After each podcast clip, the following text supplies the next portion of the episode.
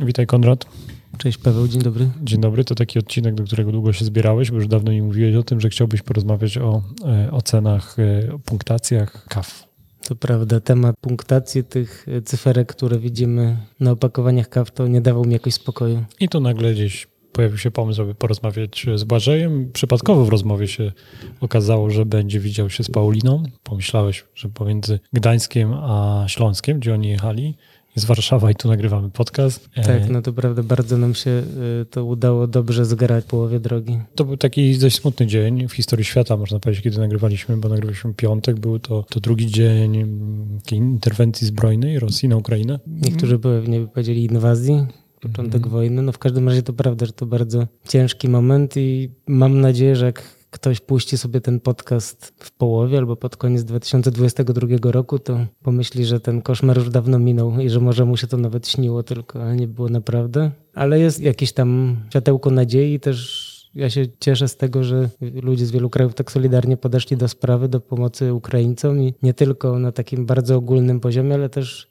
w naszym kawowym świecie dużo się bardzo dzieje. Ty mi wysłałeś wczoraj mailem informacje o takich szkoleniach, które, które można się zapisać i cały dochód z tych szkoleń jest przekazywany na pomoc ukraińskiemu SKA, czyli Specialty Coffee Association, temu oddziałowi ukraińskiemu. Takie szkolenia, takie wideo, prawda? Tam były. Nie, nie tylko. Tam są mhm. szkolenia i online'owe, i to są szkolenia biznesowe, to są szkolenia z latte art, szkolenia z robienia espresso i dużo innych. I są wersje na żywo, są też szkolenia online'owe. Tak, pamiętasz adres? globalcalibration.coffee. Kursy są od 10 euro bodajże za takie jedno szkolenie. Okej, okay, to zapraszamy w wielu kawiarniach też no właśnie, dużo wydarzeń, zbiórek, aktywności. Zajrzyjcie. Mm, Sprawdźcie czy... strony z waszych ulubionych kawiarni, waszych ulubionych palarni i zapewne znajdziecie tam jakieś zbiórki, może będzie można kupić jakąś specjalną kawę. Część z danego dnia y, sprzedaży jest przekazywana na tą kawę. Też wczoraj widziałem, że y, szerowałeś na Instagramie prośbę naszego kolegi, Kuby Kalusińskiego, który szukał dla swojego znajomego baristy, białoruskiego baristy, który pracował w Kijowie w palarni, szukał pracy w Polsce, bo przyjechał kilka godzin dosłownie wcześniej do Polski, Warszawa. do Warszawy i szukał dla niego pra pracy i mam wrażenie, że odzew był po prostu tak olbrzymi, tyle osób się zgłosiło chętnych do pomocy temu człowiekowi. Zresztą to nie byle jaka postać, bo to mistrz Białorusi Brewers bodajże i w Aeropressie. No, ale bardzo duży był odzew. Niektórzy pisali, że jeżeli ma ochotę na przejść do Krakowa, to mają dla niego mnóstwo ofert. A my co, robimy swoje? Staramy się. Palarnia pracuje? Pracuje. No, niektórzy tutaj straszą podwyżkami cen gazu i takimi rzeczami, ale myślę, że to naprawdę jest nic w porównaniu z tym, co się dzieje za naszą wschodnią granicą. Myślcie o pomocy innym, ale słuchajcie też fajnych rzeczy, no bo czasami jednak warto może myśleć o przyjemnych rzeczach. No co, my o kawie. My o kawie. Błażej Walczykiewicz? Paula Gwarek. Okej. Okay. Zapraszam, za chwilę się przedstawią. Dzisiaj gościni w podcaście. Dzisiaj gościni w podcaście z Nadmorza i gościu ze Śląska. Gliwice to jest Śląsk? Tak, jak najbardziej. Uf, się bałem, że to jakieś popełnię wielkie fopa. Paweł, mamy przed sobą Paulę Gwarek, Bero Polska, Q-graderkę, jedną z pierwszych w Polsce, czyli reprezentantkę Wybrzeża i kolejnego Q-gradera Błażeja Walczykiewicza z... O Jezu, to trzeba będzie dużo bardzo wymienić nas. Teraz to ja może po... tylko powiem, że Błażej był pierwszym gościem podcastu i być może gdyby się nie zgodził kiedyś w pandemii w marcu, która wiesz, wszystko zaczęło mm, dziać, to zadzwoniłem do Błażeja, nagrywał podcast o kawie i on mówi, że, że wystąpi, nie? Bo zapytałem i na przykład jakbyś się nie zgodził, to nie wiadomo, czy podcast by powstał. Bym doszedł do wniosku, że ach, wiesz, nie mam gościa, nie nagrywam, a tu proszę, już dwa lata, także bardzo Ci dziękuję. Nie ma za co, to ja ślicznie dziękuję za zaproszenie. To był taki pierwszy mały kamyczek. Inni dorzucili ich dużo więcej. Błażej Walczykiewicz, palarnia kawy Kafar oraz Coffee Support. Tak jest. Okej, okay, bo jak ma się palarnię albo robi się szkolenia, myślę, że jesteście bardzo popularni, no to nasi słuchacze, nasi słuchacze mogą wiedzieć, z czym to kojarzyć, nie? Ale właśnie Paulina, jak, jakbyśmy mieli powiedzieć o Bero Polska, dla kogoś, to wiesz, jeszcze się nie spotkał z taką nazwą. Ja pracuję w firmie, która importuje zielone ziarno i sprzedajemy ziarno różnej jakości, także od ziaren komercyjnych po ziarna jakości specialty. Mamy też w swojej ofercie kawę e, rozpuszczalną. O, także, to, to, tak, to, to, nie wiedziałem. Jest na to jakiś tak, osobny cennik? Jest osobny cennik, no, tak, taka minimalna e, ilość zamówienia to jest 25 kg w kartonie. Myślałem, że 25 ton. nie, nie, nie. Ale kawę rozpuszczalną się kupuje już wypaloną. Tak, ona już jest gotowa do sprzedaży. Mhm. Co się robi właśnie z tym surowcem? To już jest mm, gotowy do opakowania? To też sprawia, że mamy dużo niższą wagę, więc jest tańszy transport. Stąd właśnie jest produkcja w krajach produkujących kawę i następnie po prostu ta kawa jest przepakowywana. No tak, to ma sens, bo przecież kawa rozpuszczalna to jest taka de, de facto kawa liofilizowana, Tak, tak. pozbawiona wilgoci zupełnie. Tak, to mamy różne formy, nie? Też jest taka kawa, która jest w proszku, zwana spray dried albo właśnie freeze dried, czyli mam takie kryształki. Tylko jasne. E, Ale jeszcze tylko powiem, że my mieliśmy gościni, była w naszym innym podcaście, no to rozmawialiśmy, że spada ilość sprzedawanej kawy e, rozpuszczalnej na korzyść kawy w ziarnach, nie? W tych takich dużych marketach i w takich rynkach. Myślę, że też pewnie jest taka zmienna, e, jeśli chodzi o różne kraje, bo my też sprzedajemy do krajów bałtyckich, sąsiadujących z Polską, także e, o tyle, ile w Polsce możliwe, że faktycznie jest jakiś tam zauważalny spadek. Konrada, za tobą w magazynie dużo ziarna od Bero Polska. To prawda, kupujemy też sporo ziarn od Bero, to prawda. Wy jesteście tak naprawdę y, takim polskim ramieniem dużo większej firmy, prawda? Tak, my jesteśmy oddziałem e, takiej dużej grupy, która się nazywa Neumann Cafe Grupy i ona się składa tak naprawdę z 56 e, firm, e, które są zlokalizowane na całym świecie. Są to firmy, które e, produkują, zajmują się eksportem, shipmentami i importem. Mamy tutaj dostęp do całego łańcucha, co jest myślę dużą zaletą tak naprawdę, bo mamy kontrolę na każdym etapie, od, począwszy od farmy do, do sprzedaży. Zebraliśmy się tutaj nie przez przypadek, dlatego że wy wybieracie się na jakiś y, sabat y, Q-graderów.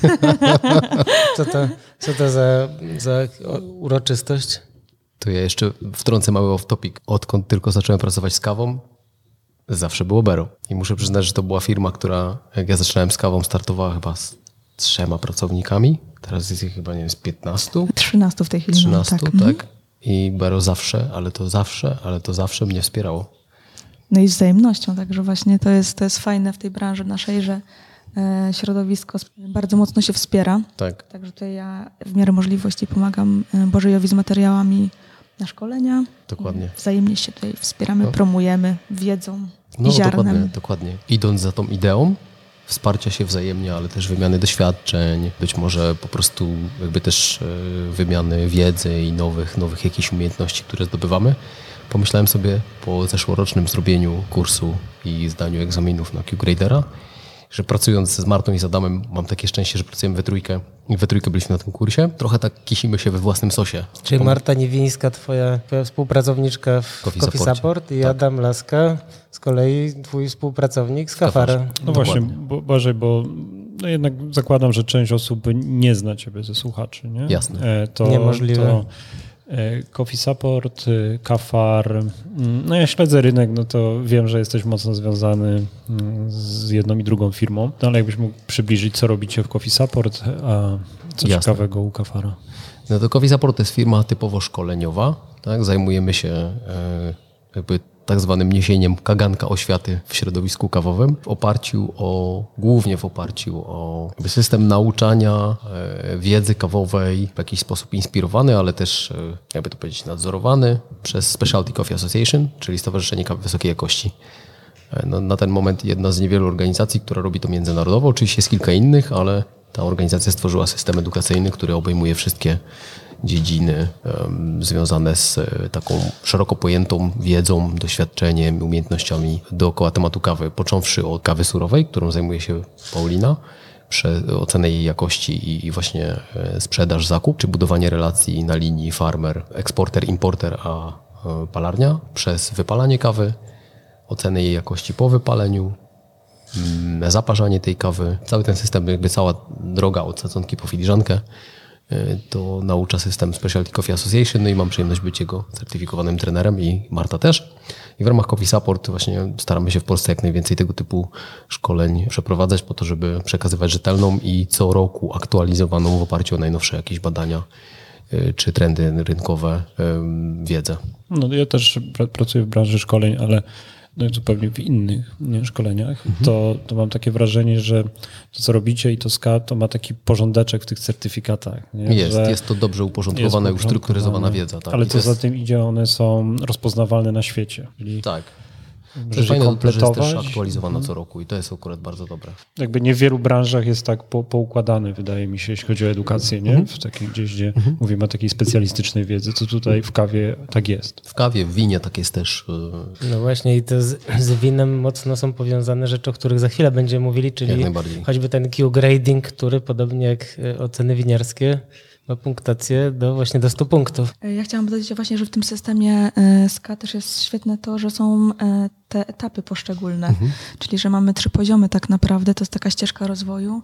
Też między poszczególnymi ścieżkami musi być zachowany odstęp, żeby ta wiedza gdzieś tam się w głowie ułożyła, żeby nabyć jakieś tam praktyki, co jest myślę bardzo fajne też szczególnie dla takich gdzieś tam pasjonatów, homebaristów, bo dzięki temu oni mogą po prostu też raz, że od strony kosztów e, sobie to rozłożyć, a dwa też jeśli chodzi o wiedzę, nie? to dużo łatwiej Jasne. jest, jak coś sobie sukcesywnie przyswajamy. Tak. No dobrze, to co jest, o co, Kafar? o co chodzi z tą kursokonferencją, do- na Ale kafar jeszcze... A, o kafarku. No przecież mówiliśmy, że Błażej to człowiek orkiestra. Dobrze. No, trochę tak, aż, aż do przesady czasem, ale już powoli się wyciszam w tym wszystkim. E, W sensie stopuję. E, Kafar to jest takie mm, dziecko przede wszystkim właśnie Pawła Siemaszki i Adama Laski. E, Oni utw- utworzyli tą, e, otworzyli tą palarnię kawy 5 lat temu ponad. Która na początku była, wcale nie była pelarnią kawy, prawda? Bo kafar Tak, to na tak, początku tak. był, była taka przyczepa wspaniała, drewniana, w której parzyli kawę. Tak zwany coffee truck. Mm, No tak, Tak. coffee trailer. Coffee trailer. I z niego właśnie gdzieś tam e, pracując e, w kawiarni, pracując z tym z coffee truckiem, chłopaki po jakimś czasie stwierdzili, że, mm, e, że chcieliby spróbować swoich sił w wypalaniu kawy. No i przy, przez pierwsze 2-3 lata robili powiedzmy to na własne potrzeby. Również e, z takim poczuciem e, pokory i, i, i chęci jakby jednak mimo wszystko nauczania się i e, nietestowania tych swoich tak zwanych błędów albo niedoskonałości, albo większych, coraz lepszych wypałów, nie dzielenia się tym na początku z całym światem, nie próbowania sprzedawania tego wszędzie, tylko gdzieś tam właśnie lokalnie dopracowując własne produkty i starając się możliwie zdobywać warsztat. No ja do nich miałem, mam ogromny zaszczyt dołączyć, miałem dwa lata temu i od dwóch lat współtworzymy tą markę i mniej więcej od półtora roku postanowiliśmy, że no tak, to jest ten moment, kiedy, kiedy możliwe jest, żebyśmy się zaczęli dzielić e, tymi produktami, bo jesteśmy z nich naprawdę zadowoleni i wiemy, że są dopracowane. O, O, e, no my jesteśmy wstępnie umówieni na taki specjalny odcinek o, o kafarze, bo u was ciekawie się dzieje. Wiem, że tam nowy piec w planach. e, Dużo was też. staramy się. Także super. To my z przyjemnością zawsze śledzimy rozwój. A teraz właśnie, Konrad, to o czym ten podcast? No właśnie, no podcast będzie o wielu rzeczach, ale cały czas chciałbym się dowiedzieć i zadam to pytanie po raz trzeci. Dlaczego się zebraliście y, u nas? No bo fajnie, że się spotkaliśmy, żeby to nagrać, ale wybieracie się gdzieś za chwilę razem, prawda? Tak, my wybieramy się do Gliwic, do, do siedziby właśnie Coffee Support na taką kalibrację wewnętrzną e, naszych Q-graderów polskich. Czyli w ramach takiej e, tutaj wsparcia wzajemnego, w ramach e, kalibracji chcemy się spotkać. Wymiany Z doświadczeń, właśnie to, że zrobiliśmy kurs, to, że jesteśmy certyfikowani, to nie oznacza, że chcemy spoczywać na laurach. Nie? I gdzieś tam ta wymiana doświadczeń i ocena kaw, e, którą przeprowadzimy i później dyskusja na ten temat, albo pokaże, że jesteśmy rzeczywiście e, skalibrowani, albo pokaże, że niekoniecznie. I co wtedy? No właśnie. Ale Q-graderzy nieskalibrowani, wtedy, nie? wtedy to trzeba ćwiczyć dalej. No Wtedy właśnie, trzeci to czyt dalej. powiedzmy w takim razie, kim są Q-graderzy? Zacznijmy od, od Eee, początku. No okej. Okay. Q-graderzy to są takie osoby, które są e, certyfikowane z ramienia takiej organizacji Coffee Quality Institute.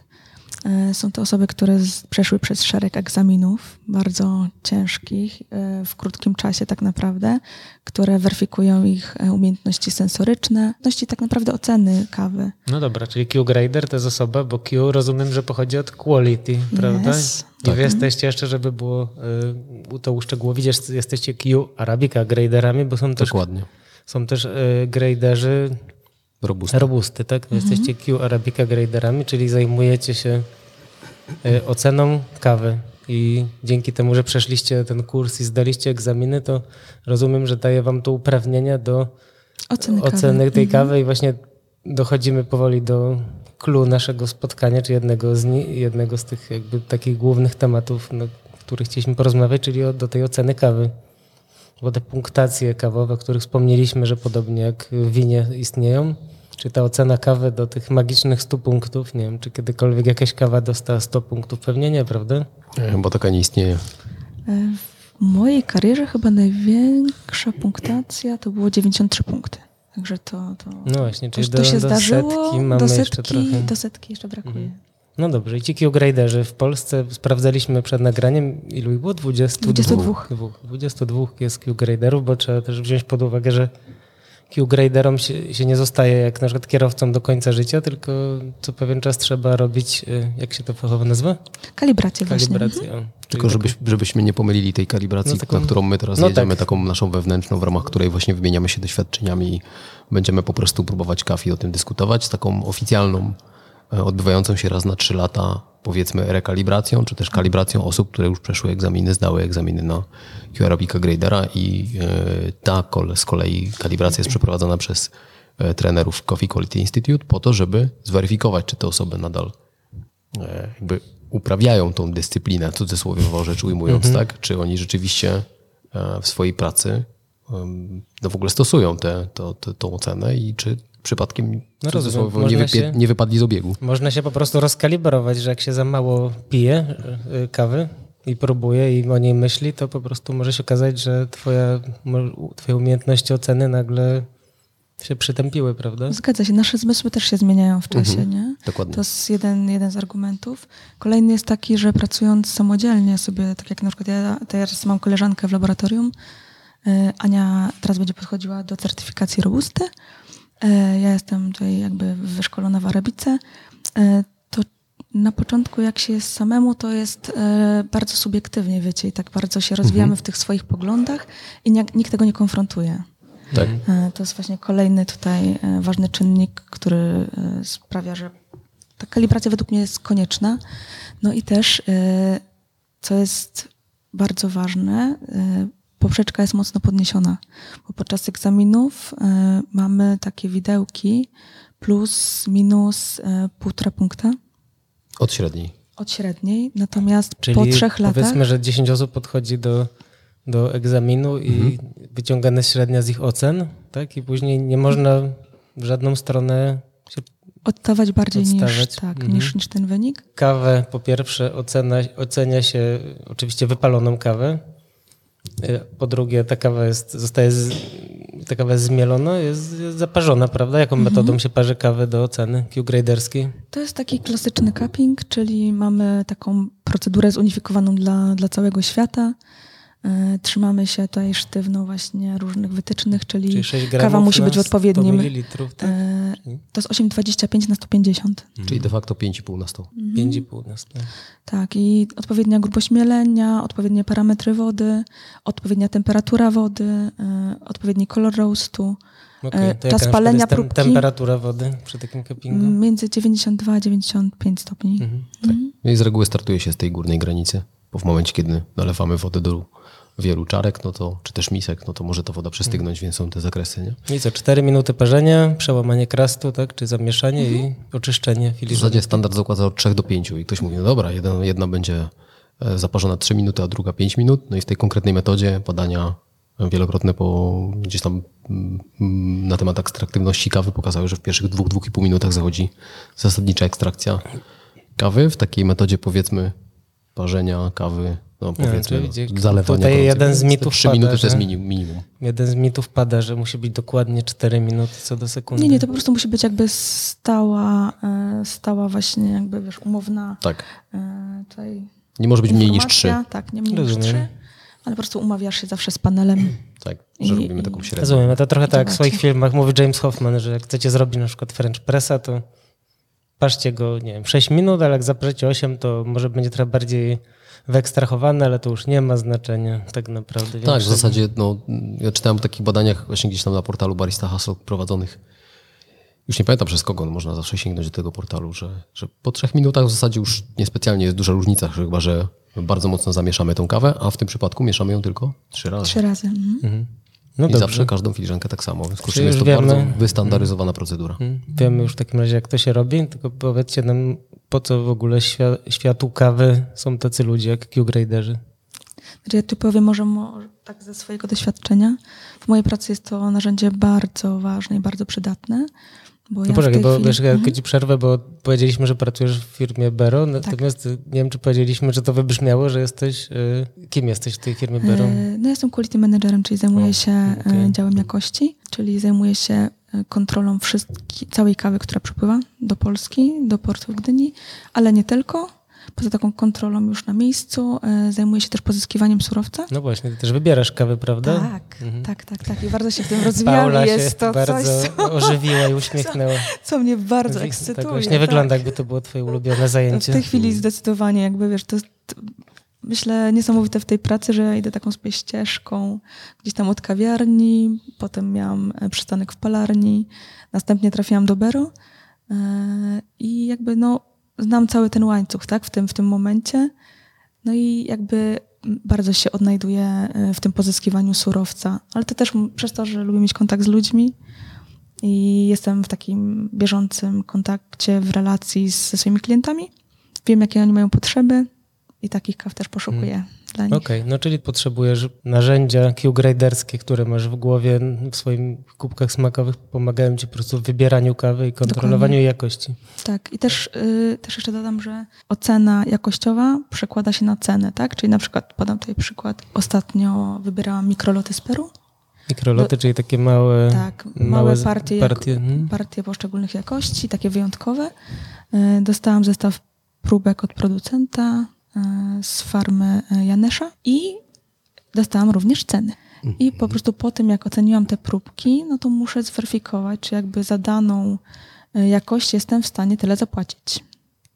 I ewentualnie Ale przystąpić Farmerowi? do. Tak, farmerowi i przystąpić do negocjacji ewentualnych, bo jeżeli widzę, że na przykład ta kawa, on oczekuje, że zapłacę 800 centów na funt, a ja wiem, że tej kawy za tyle nie będę w stanie sprzedać, to po prostu muszę mu zaproponować inną stawkę. Zwróćmy uwagę na, na taką Paula poda cenę. 800 centów za funt. Czyli cena nie dość, że nie była w dolarach, w centach, to jeszcze nie za kilo, tylko za, za funt. Niecałe pół. czyli Tak, pół tak. kilo niecałe. To się, to się, to się tak przelicza, mamy taki fajny współczynnik, to jest 22,046, mnożysz i wychodzą ci, jeszcze potem dzielisz przez tysiąc i wychodzą Dobra. ci kilogramy na... Ale tak jakby nas słuchasz, na kilogram. odpowiedzieć na pytanie, to ile kosztuje kilogram takiej dobrej zielonej kawy, którą wybierasz i decydujesz się, że, że ją sprzedasz, że będzie warta wiesz, w Polsce swojej ceny. No to chyba bardzo to jest, dużo to jest, zależy to od jest kraju. bardzo indywidualne, tak, od kraju, y, od dostępności w danym roku. W tym roku będzie troszeczkę szaleństwo y, z Etiopią. To się pewnie niedługo zacznie klarować. y, Ja no mam, na przykład razie mam dużą Etiopii, zagwozdkę. to myślisz, że ile będzie za, za kilogram dobrej Ja Etiopii? wiesz na razie jeszcze mam za mało ofert, żeby móc takie Mhm. informacje ujawniać, ale będzie to 550 centów za funt. Y, obawiam się, że więcej. O nie. E, Też, no wy sprzedajecie zielone ziarno, ale to tak wygląda, że dostajesz próbki wypalone. Tam nie ma jakiegoś takiego ryzyka, że nie może one były źle wypalone. No, ale to Paula sama ja wszystko sama Panie. palę zawsze. powiedz o tym, że, Tak, no, ale tak. to ty wtedy ile wypalasz? Masz taką i kawę, która gdzieś tutaj stoi E, obok nas? co, ja, mam, e, ja pracuję na takich piecykach, które też są e, w Originach, czyli w tych firmach naszych siostrzanych mamy takie małe sample roastery Probata. Te takie, E, te takie double czy Tak, triple barrel? Ja mam, ja mam podwójny. Podwójny, Tak, mhm. Także jak mam teraz palić y, w jednym piecu, tak wiesz, na, na raz, to tak mówię, kurczę, ale nudy. Jestem przyzwyczajona do tego, Jaka jest muszę... tam pojemność? E, 100 gramów jest Mhm. zasyp. No, także, także ta e, porcja kawy do, do oceny jest mała, no ale w zupełności wystarczająca tak naprawdę. No widzisz, nie pomyślałem. Myślałem, że dostajesz coś wypalone, no to nie, nie, taki nie, nigdy, proces. nigdy. Też wiesz, nigdy nie wiadomo, czy ta paczka gdzieś nie utknie na jakimś tle, czy gdzieś tam nie pomyli adresu. Także to też musi być e, czas zachowany od momentu palenia do oceny próbki. No dobrze, a Błażej, a ty? Już wiemy, do czego Paulo używa swoich, y, swojego Q-graderstwa Mhm. Certyfikowanego, a ty? Do czego go używasz? W zasadzie Paula odpowiedziała na wszystkie, jakby wszystkie argumenty wytoczyła, które, które służą również mi. Tak? Paulina robi to oczywiście na dużo większą skalę, bo pracuje w firmie, która sprowadza naprawdę kawę z wielu krajów i dużej ilości. I oczywiście to jest odpowiedzialne zadanie, bo potem sprzedaje tą kawę do palarni, ale jeżeli palarnia chce zakontraktować dobrą kawę, to zamawia też najpierw próbki. I to są próbki kawy zielonej. Ja też tą kawę muszę wypalić, odpowiedni kolor, spróbować i stwierdzić, ok, ten dostawca proponuje mi taką kawę w takiej, w takiej cenie. Po pierwsze, ja się zastanawiam, czy to jest kawa, która będzie dobra dla, mo, dla moich odbiorców i to jest najważniejszy punkt. Po drugie, czy ta jakość odpowiada tej cenie. I oczywiście ja nie mam takiej siły negocjacyjnej absolutnie i to nie o to chodzi, ale ja zawsze mogę podjąć wtedy taką powiedzmy oparciu o bardzo mm, staramy się rzetelną ocenę, e, czy ta kawa jest warta tych pieniędzy. To jest jedna sprawa. Druga sprawa to, to kwestia tego, że jakby to też pozwala później, w razie gdybyśmy dostali taką kawę po próbkach do siebie, zajrzeć, co w tych workach rzeczywiście do nas przychodzi, możemy to przejrzeć, wypalić, spróbować jeszcze raz i zweryfikować, czy jest takie samo, jak, jakie było zanim żeśmy zakupili całą partię. I oczywiście mogą, są dwie drogi później. Albo możemy iść na noże i powiedzieć, nie, nie zwracamy, reklamujemy i chcemy pieniądze z powrotem. I oczywiście można tak zrobić, aczkolwiek ja jestem osobiście bardzo daleki od tego typu podejścia. Wydaje mi się, że najważniejszą rolą w tym przypadku osoby takiej jak Q-Grader jest to, żeby dać informację zwrotną. Słuchajcie, ta kawa przyszła do nas, jest w takim a takim stanie. Jak dostaliśmy próbki, była e, takiej a takiej jakości. Ta konkretna próbka, którą od was dostaliśmy, ale w momencie, kiedy przyszły już e, docelowe zamówienia, ta jakość e, jest troszeczkę inna.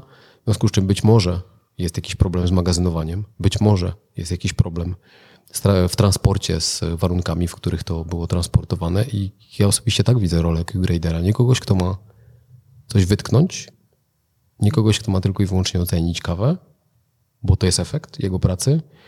Taki bardzo, powiedziałbym, ograniczony, małostkowy, y, ok, z jednej strony ważny, ale z drugiej strony bardzo mm, taki no, częściowy. O, to jest chyba dobre słowo. Czyli czy wy sobie siadacie nad taką kawą, czy stajecie z łyżkami nad taką kawą za damem, próbujecie tą kawę, wyciągacie te swoje arkusze Q-graderskie i, i naprawdę ją oceniacie tak Q-gradersko, czy po prostu próbujecie i myślicie, mmm, dobra, mm, niedobra.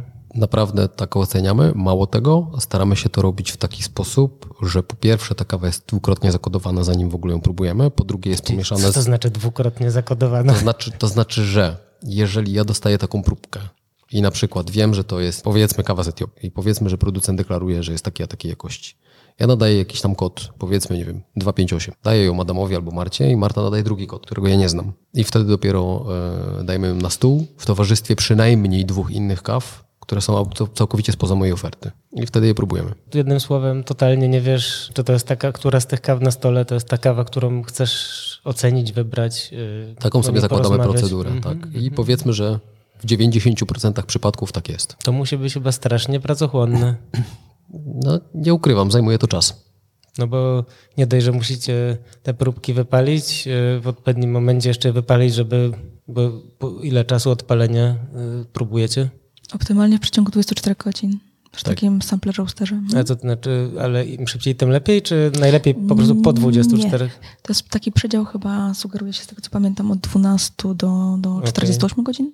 Mhm. Po, No, po z reguły 24. Czyli najlepiej byłoby jednego dnia wypalić, drugiego spróbować. Tak działamy. Mhm. Ma, mało tego, jeżeli na przykład y, wypalimy te kawy, można sprawdzić ich kolory, zobaczyć, czy one są równe, tak? bo chcemy dać kawom taką samą szansę i są pewne jakieś tam przedziały, y, które to określają. Kolory, czyli używać takiego urządzenia jak kolorymetr, mieli się kawę i sprawdza się tym urządzonkiem, czy Dokładnie tak. kawa została wypalona na odpowiedni właśnie kolor, czyli na odpowiednią jasność, tudzież ciemność.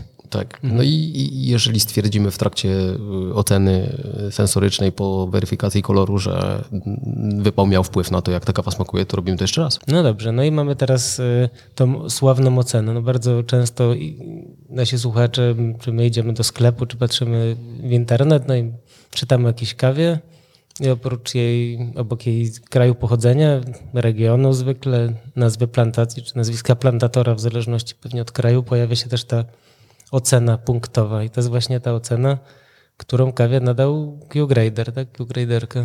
No i właśnie, no jak to jest? No bo są jakby, podejrzewam, takie tak naprawdę dwa poziomy oceny. Jeden to może być taki poziom, który został wdrożony już tak, tak super oficjalnie przez CQI, to znaczy trzeba wysłać kawę do tego CQI, zapłacić odpowiednią ilość pieniędzy i CQI to wysyła do swoich y, Q-Graderów, tak? I tak, wtedy. Mhm.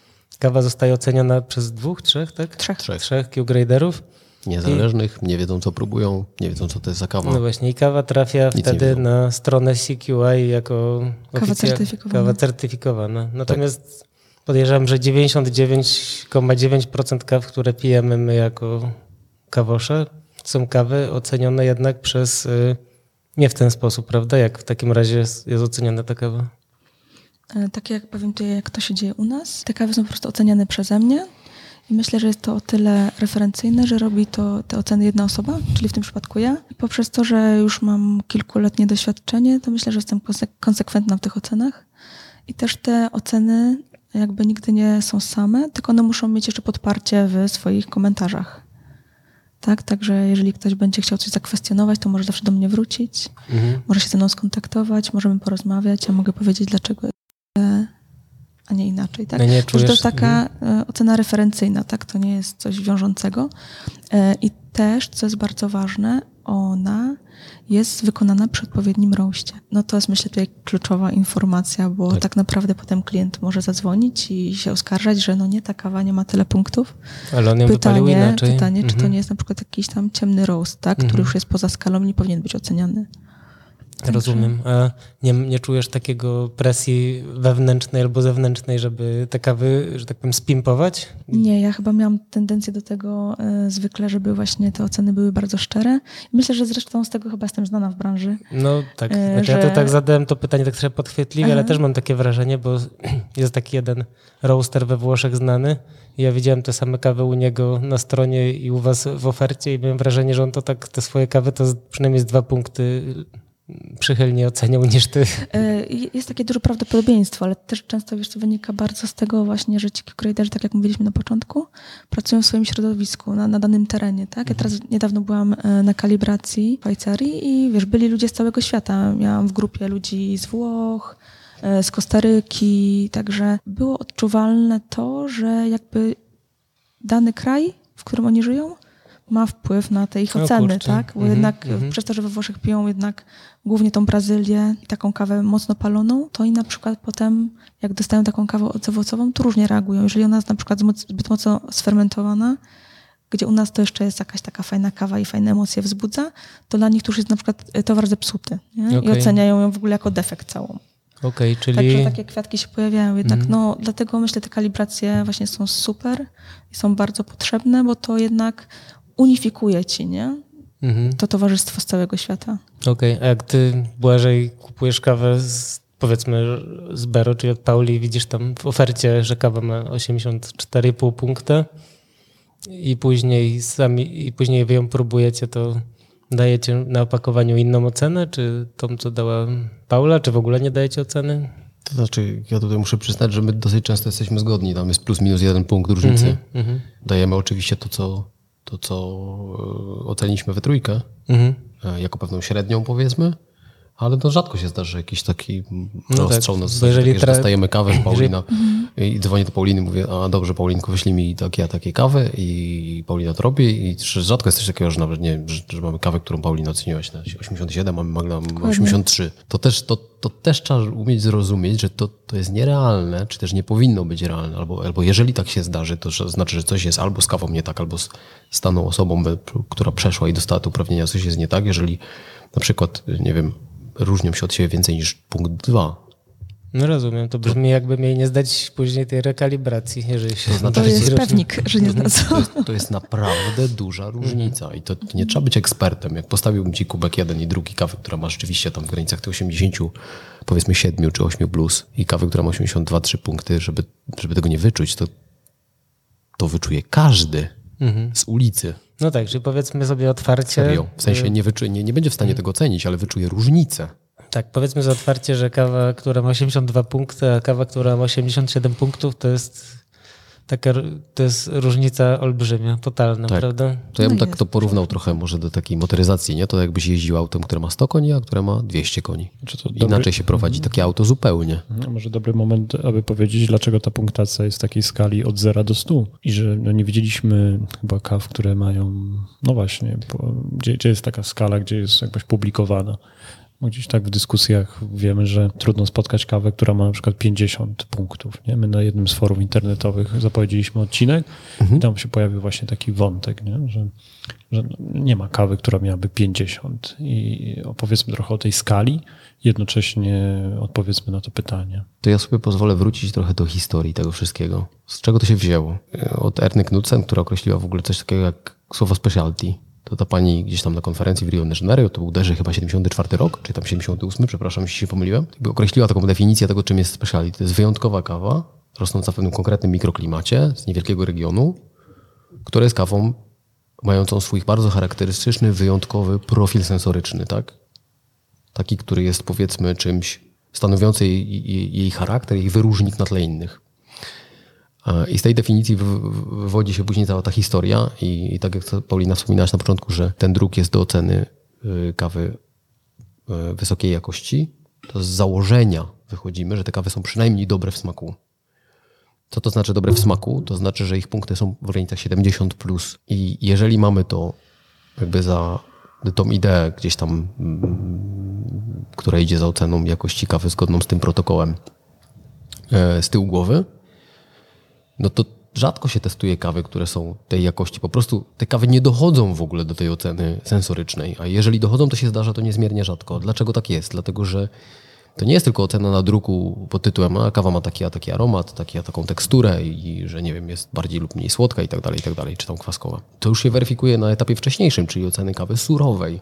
I tam się weryfikuje, czy ta kawa ma tak zwane defekty, czyli wady. Nie wiem, ziarno może być zgniłe, ziarno może być z grzybem, ziarno może być spleśniałe, ziarno może być y, bardzo mocno zaatakowane przez jakieś szkodniki, no popularne żuczki brokka, tak? I jakby te kawy nie przechodzą tego sita, więc... Chyba po prostu tak słabych kaw nawet się nie opłaca sprowadzać y, do Europy, prawda? Bo Niekoniecznie. To... Każda kawa, każda kawa ma swojego odbiorcę. To nie jest tak, że y, nie moglibyśmy ocenić sensorycznie kawy, która finalnie dosyskuje 50 punktów. Moglibyśmy.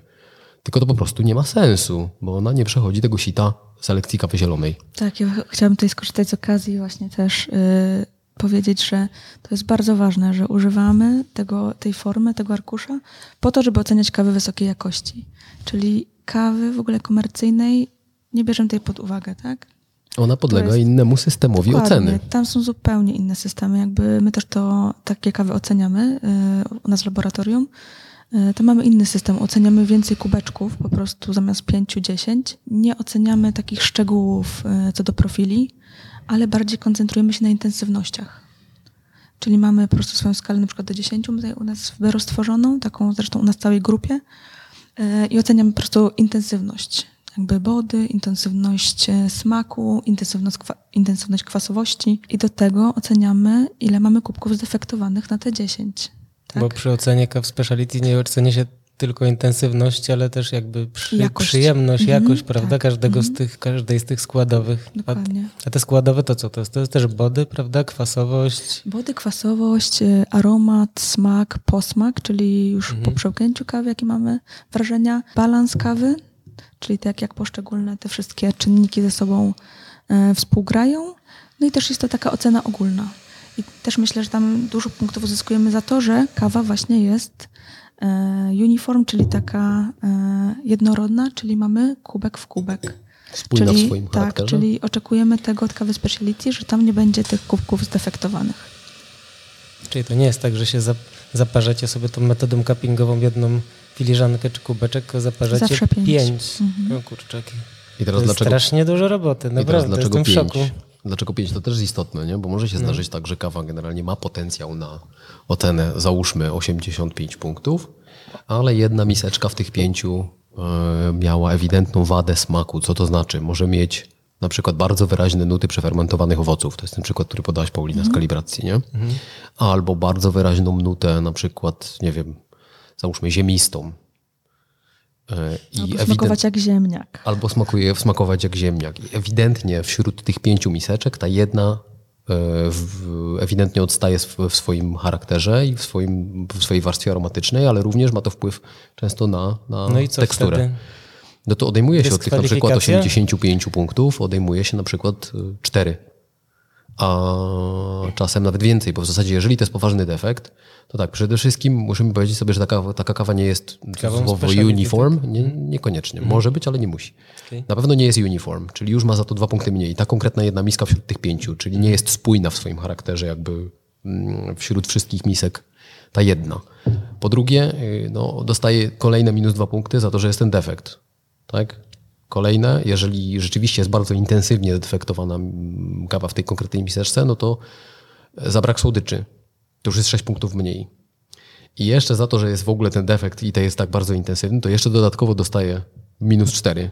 Czyli z 85 staje się 75. Przy jednym tak, kubku zdefektowanym. jednym kubku.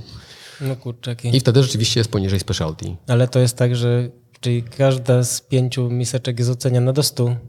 Nie, nie, nie. Jest Wszystkie, to jest, średnie?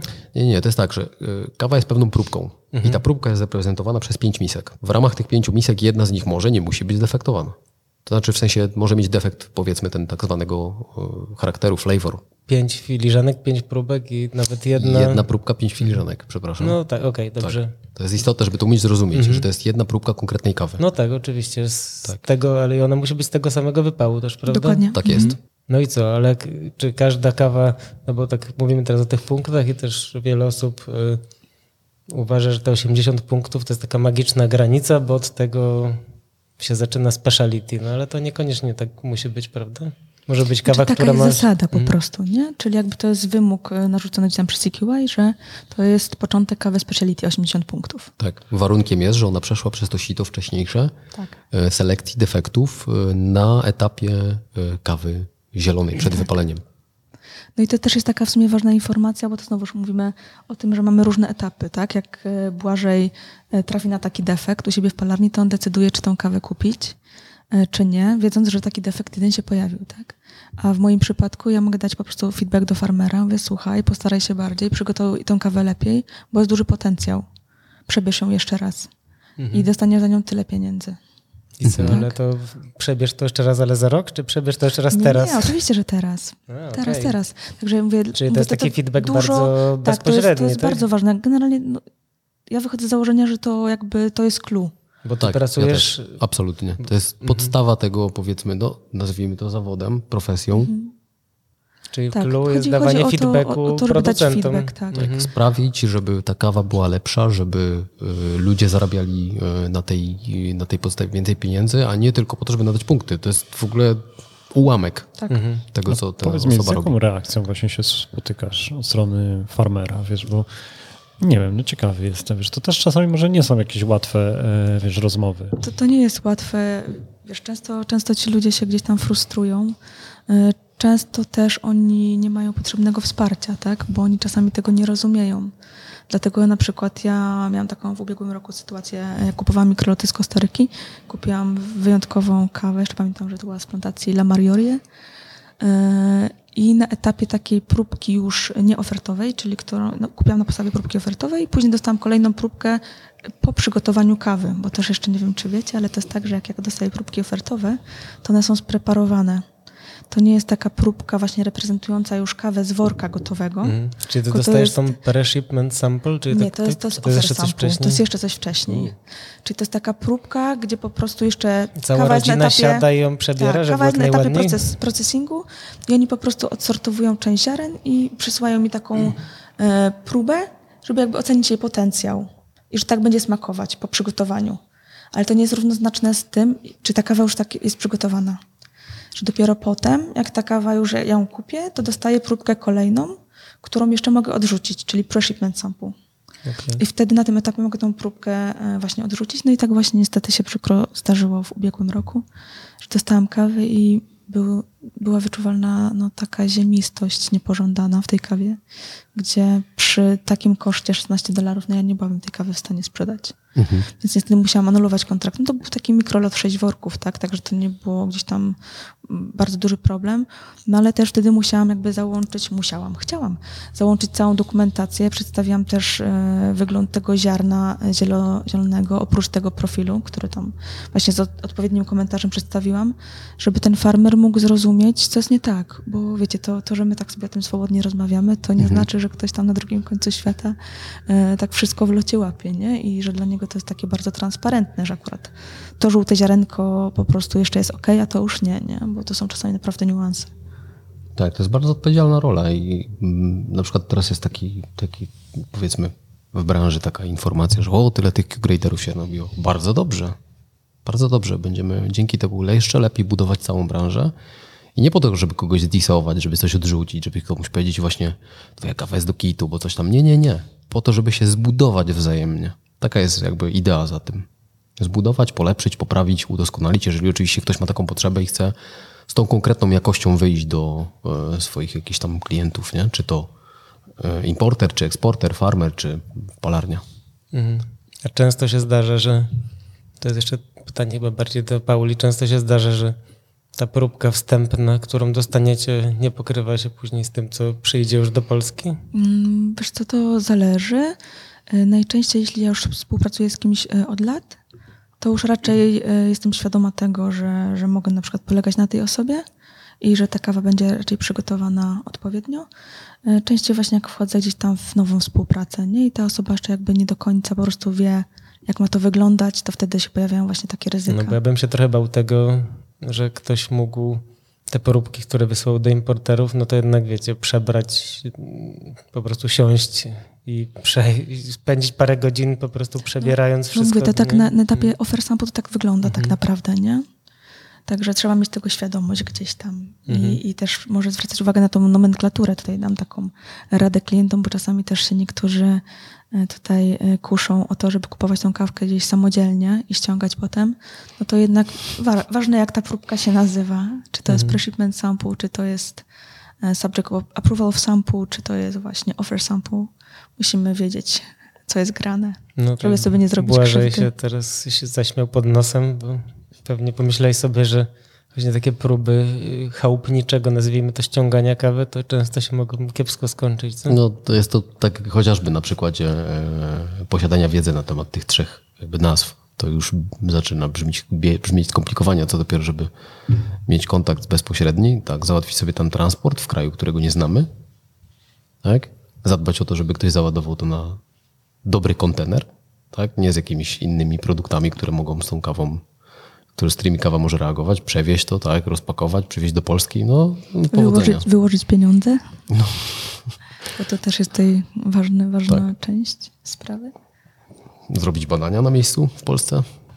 No, nie jest taki hop A powiedzcie, jak to jest, bo y, często kupując kawę, y, patrzymy na ofertę palarni, no i widzimy oprócz właśnie tych danych y, miejsca pochodzenia, no to jest, są też takie podawane często nuty smakowe na opakowaniach czy w sklepach internetowych. A z drugiej strony, jak patrzę na, na przykład na, y, na wasze oferty, wasze, czy Bero, czy innych importerów, no to tam też się pojawiają nuty, nuty smakowe. Jak to jest? Jak, y, bo to też w tym, na tym forum, o którym Paweł wspomniał, y, gdzie pisaliśmy, no to ktoś się śmiał, że czasami to te, nut- te opisy to już są takie wręcz romantyczno-marketingowe, typu rosa kwiatu melona, czy coś tam. Natomiast Dodamy tylko, że to forum wszystko, wszystko o kawie. o kawie, tak? Znaczy dziękujemy, bo tam taka, taka, taka aktywna dyskusja, zapowiedziałem Tak, odcinek. to są super ochotę? cenne pytania. Tak. Tak, no właśnie. No I to jak to jest z robieniem tych ocen? No bo mamy oczywiście to koło smaków i aromatów kawy. Czy korzystacie z, y, z tego koła, czy to można tak freestylować właśnie sobie i, i wymyślać jakieś, znaczy wymyślać, no po prostu jak poczujesz y, właśnie, że ci to, to smakuje jak, jak pieczeń wieprzowa, to możesz to napisać, czy to aż tak to nie? Wiesz co, najlepiej, najlepiej korzystać z tego koła. Też dlatego, żeby, to co ja właśnie już podkreśliłam pewnie kilka razy, e, żeby ta informacja była transparentna dla wszystkich osób, które e, będą widziały tą e, ofertę. I też właśnie, tak jak ja na przykład daję feedback, do, do Originu, to staram się używać takich nazw i określeń, żeby po prostu te osoby, nie znając owoców, które rosną w Polsce, mogły zrozumieć, o co mi chodzi. No tak? właśnie, no bo tu się pojawia faktycznie kolejny problem, bo z jednej strony my możemy napisać, że coś smakuje jak, y, jak Antonówka czy Szara Reneta, a ktoś z Originu po prostu pewnie nawet nigdy nie jadł jabłka, już na pewno nie jest wkręcony w y, poszczególne szczepy jabłkowe, prawda? Dokładnie. Dlatego ja też myślę, że e, na szczeblu takim lokalnym, jeżeli to już e, właśnie tej e, osoby z palarni robią taką etykietę i faktycznie mają takie skojarzenie, że dla nich to jest Antonówka, dlaczego nie? Niech tak Można sobie napiszą. pofolgować. Pewnie, że Mhm. tak. Natomiast kiedy ja właśnie gdzieś tam daję feedback do Origino, no to ja napiszę jabłko po prostu. Mhm. A ty Błażej, jak, y, czy wy jak robicie y, z Martą i z Adamem, bo to we trójkę, rozumiem, teraz najczęściej pracujecie tak, nad tym? najczęściej tak. Oczywiście To jak, się czasem jak że opisujecie te kawy? No bo y, też powiedzmy tutaj y, taką Już rzecz, że z jednej strony mówimy, podkreślacie to, że trzeba oceniać kawy wypalone właśnie pod ocenę, I to jest zwykle palenie jednak jaśniejsze niż będzie później paleniem takim handlowym, nazwijmy to. Zwłaszcza jeżeli będzie to kawa przeznaczona do espresso, prawda? Y, Oczywiście, więc kurczę, bo poruszyłeś kilka wątków. Y, Może najpierw To po kolei, opowiem, opowiem nie, nic nie szkodzi absolutnie. Opowiem pokrótce, jak to u nas się dzieje, że powstaje dany konkretny opis. Powiedzmy, że tak jak mówiłem, w 90% przypadków udaje się to zrobić e, we trójkę. Ja w te druki zbieram, analizuję oceny, tak, wyciągam z nich średnie i to jest ocena. Ale później bierzemy, biorę jeszcze, analizuję opisy wszystkich z nas, całej naszej trójki i wybieram tylko te, które powtórzy się minimum dwa razy. Mm. Tak? No bo jeżeli jedna osoba coś tam sobie wymyśliła, no to, to może nie być do końca mm, rzeczywiście to, co w danej kawie e, w istocie można, można wyczuć w tej warstwie aromatycznej, czy w momencie, kiedy wąchamy kawę, czy w momencie, kiedy ją degustujemy. No i staram się w ten sposób to robić. Oczywiście czasem gdzieś tam e, poszaleję, tak jak na przykład ostatnio kawa mi się skojarzyła z e, absolutnie z takim aromatem silnie karmelowo, e, powiedzmy czereśniowym.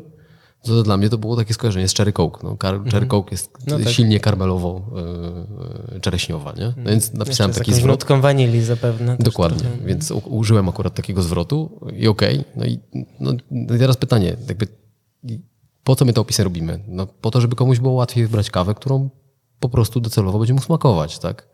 Wiadomo, że w momencie, kiedy opisujemy y, kawy na druku Specialty Coffee Association czy jakimś innym do oceny opisowej, to te opisy są po to, żeby gdzieś tam potem komunikować y, się ze sobą w tym temacie albo móc do tych opisów za jakiś czas wrócić i sprawdzić, ok, pamiętam, ta kawa smakowała tak i tak, to spróbujemy, jak w tym roku smakuje, załóżmy, nie?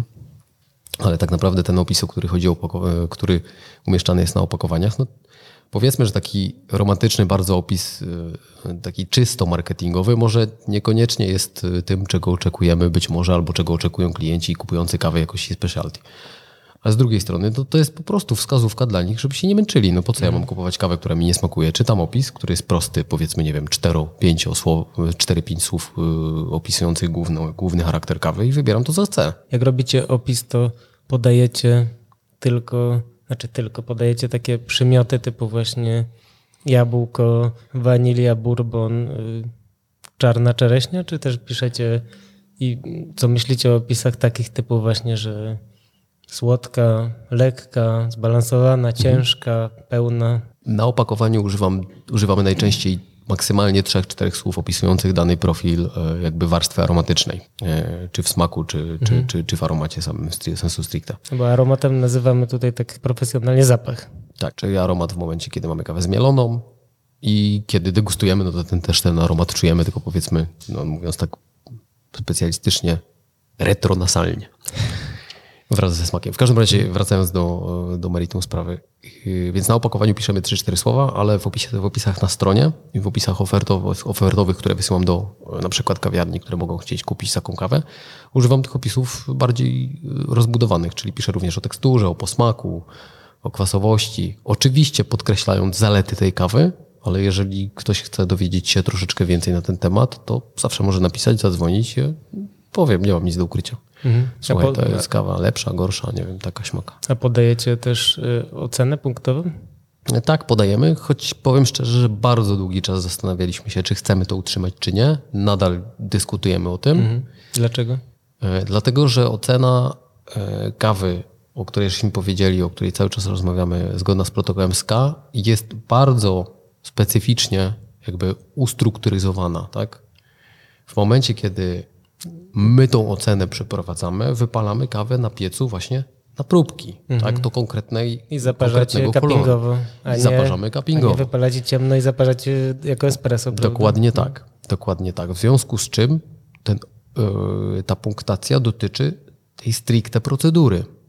To nie jest wypał produkcyjny, który może się z tym pokryć i w większości przypadków staramy się, żeby był bardzo podobny albo powiedzmy w tej całej, w tym samym opisie sensorycznym albo wręcz identyczny, ale niektórych kaw nie da się tak wypalić na dużym piecu, po prostu. I no, Mogą być też lepsze.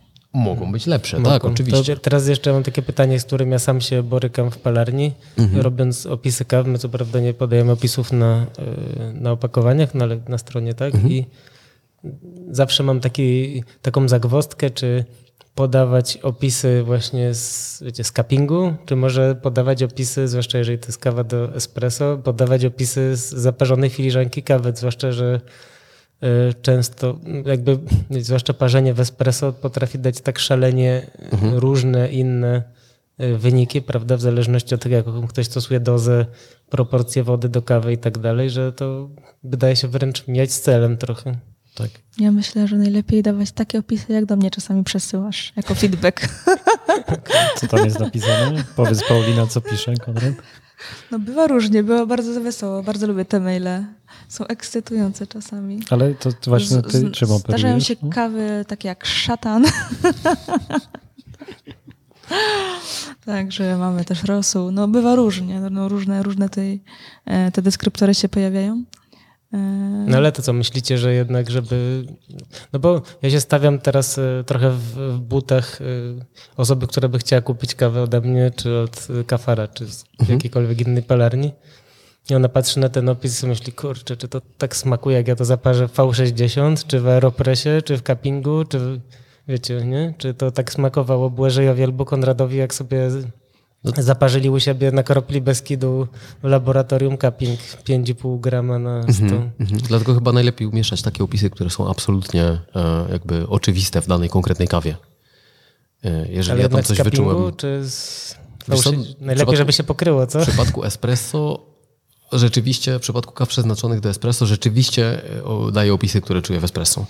Czy też damy, dajemy, nie? ale w przypadku e, wszystkich pozostałych kaw, tak, to jest opis z procedury oceny e, zgodnej z protokołem SK, aczkolwiek nie musi, nie musi. Ocena opis, opisowa kawy może podlegać innym procedurom. Jakby testu, testy opisowe, na przykład to, co Marta wspominała w jednym z podcastów, e, przypuszczam, z tego co pamiętam, wspominała o tak zwanym teście QDI. To jest zupełnie inny test, który opisuje kawę, opisuje stricte, jest nakierowany na opis jej, jej profilu flavor, ale nie musi być e, z oceny SKA. To jakby tych procedur, tych sposobów na opisywanie profilu jest, jest dużo. Kurczę, no chyba to po prostu musi pozostać takim trochę y, tematem, na który sobie nie będziemy w stanie odpowiedzieć, prawda? No bo Mhm. podejrzewam, że trochę to jest tak, że ile palarni, tyle może być trochę tych procedur, więc... Mm, Dokładnie. Ja myślę, że ważne jest to, żeby nie traktować tego jak jakiś taki, wiecie, jako wyrocznie, Mhm. Tylko jak jakiś taką, e, nie wiem, radę, jakąś taką, jakiś opis, opis tego profilu, czego możemy się spodziewać. No właśnie, bo się trochę bałem tak, dawanie tych opisów na opakowanie, sobie pomyślałem, że No zaraz się pojawią, mocno? Mhm. po pierwsze trochę sugerujesz komuś, a po drugie z drugiej strony może się pojawić ktoś, kto powie, ale nie czuję tu wanilii, no i co mi zrobisz? Myślę, że to jest właśnie chyba najczęstszy gdzieś tam problem, a sami też wszyscy wiemy, jak, jakie znaczenie ma woda. No, Prawda? Także wystarczy, że ten, e, ta osoba sobie kupi tą kawę i zaparzy ją sobie u, u siebie w domu i to jest inna woda niż u nas w laboratorium i smak będzie zupełnie inny.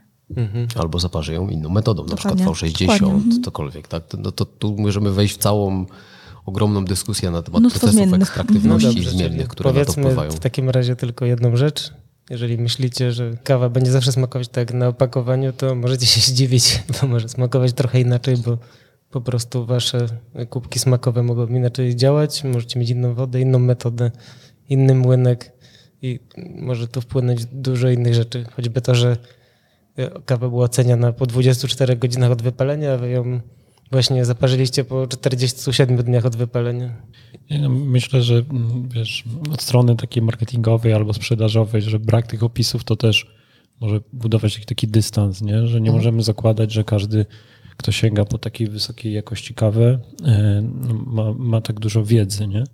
Więc ci początkujący, myślę, że fajnie, że mają możliwość zobaczenia.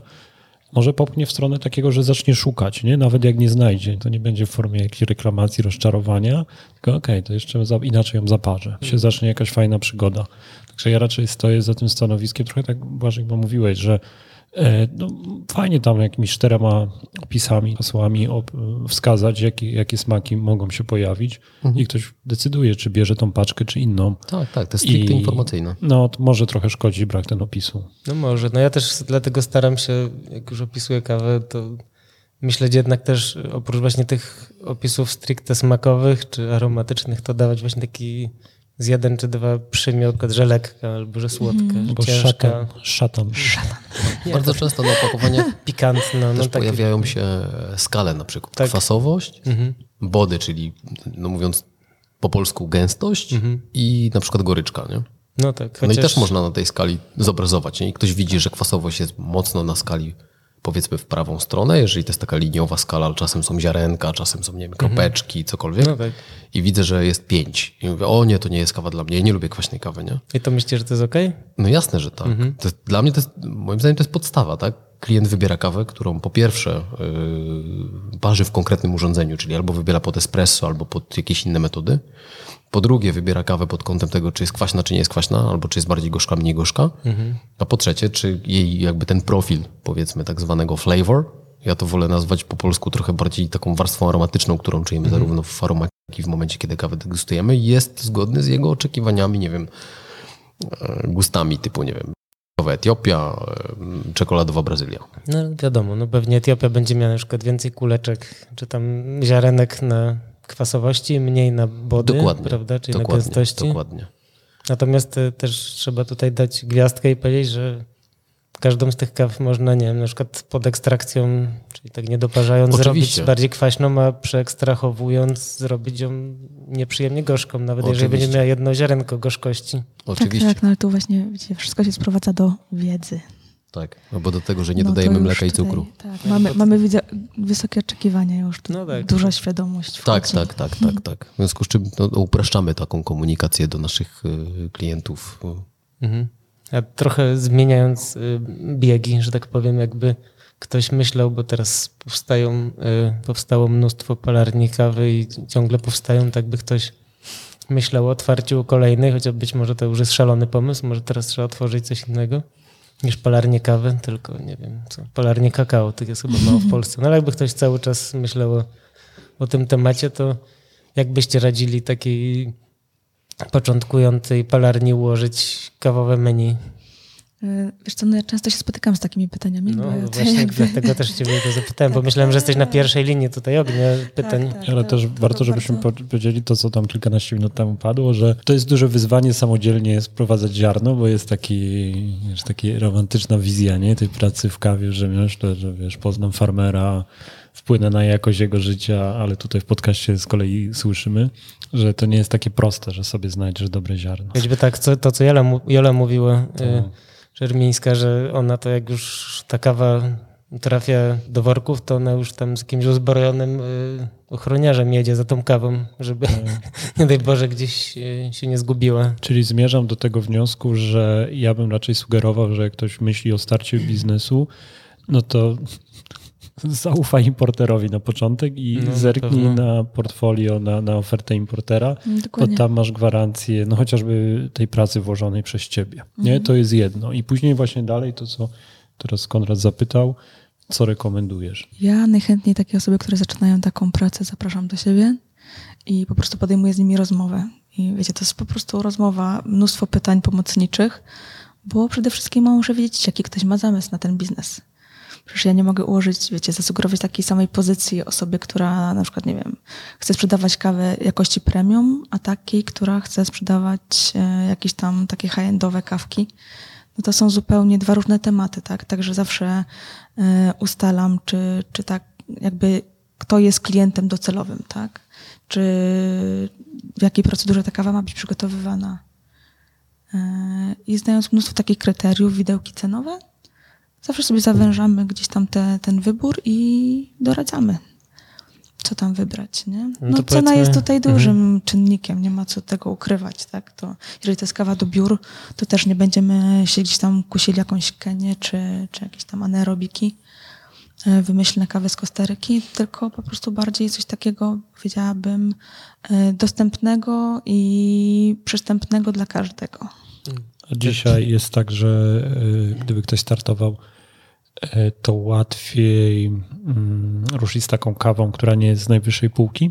Łatwiej ją mm, zareklamować, sprzedać, stworzyć taki marketing takiego produktu, mm, powiedzmy średniej klasy.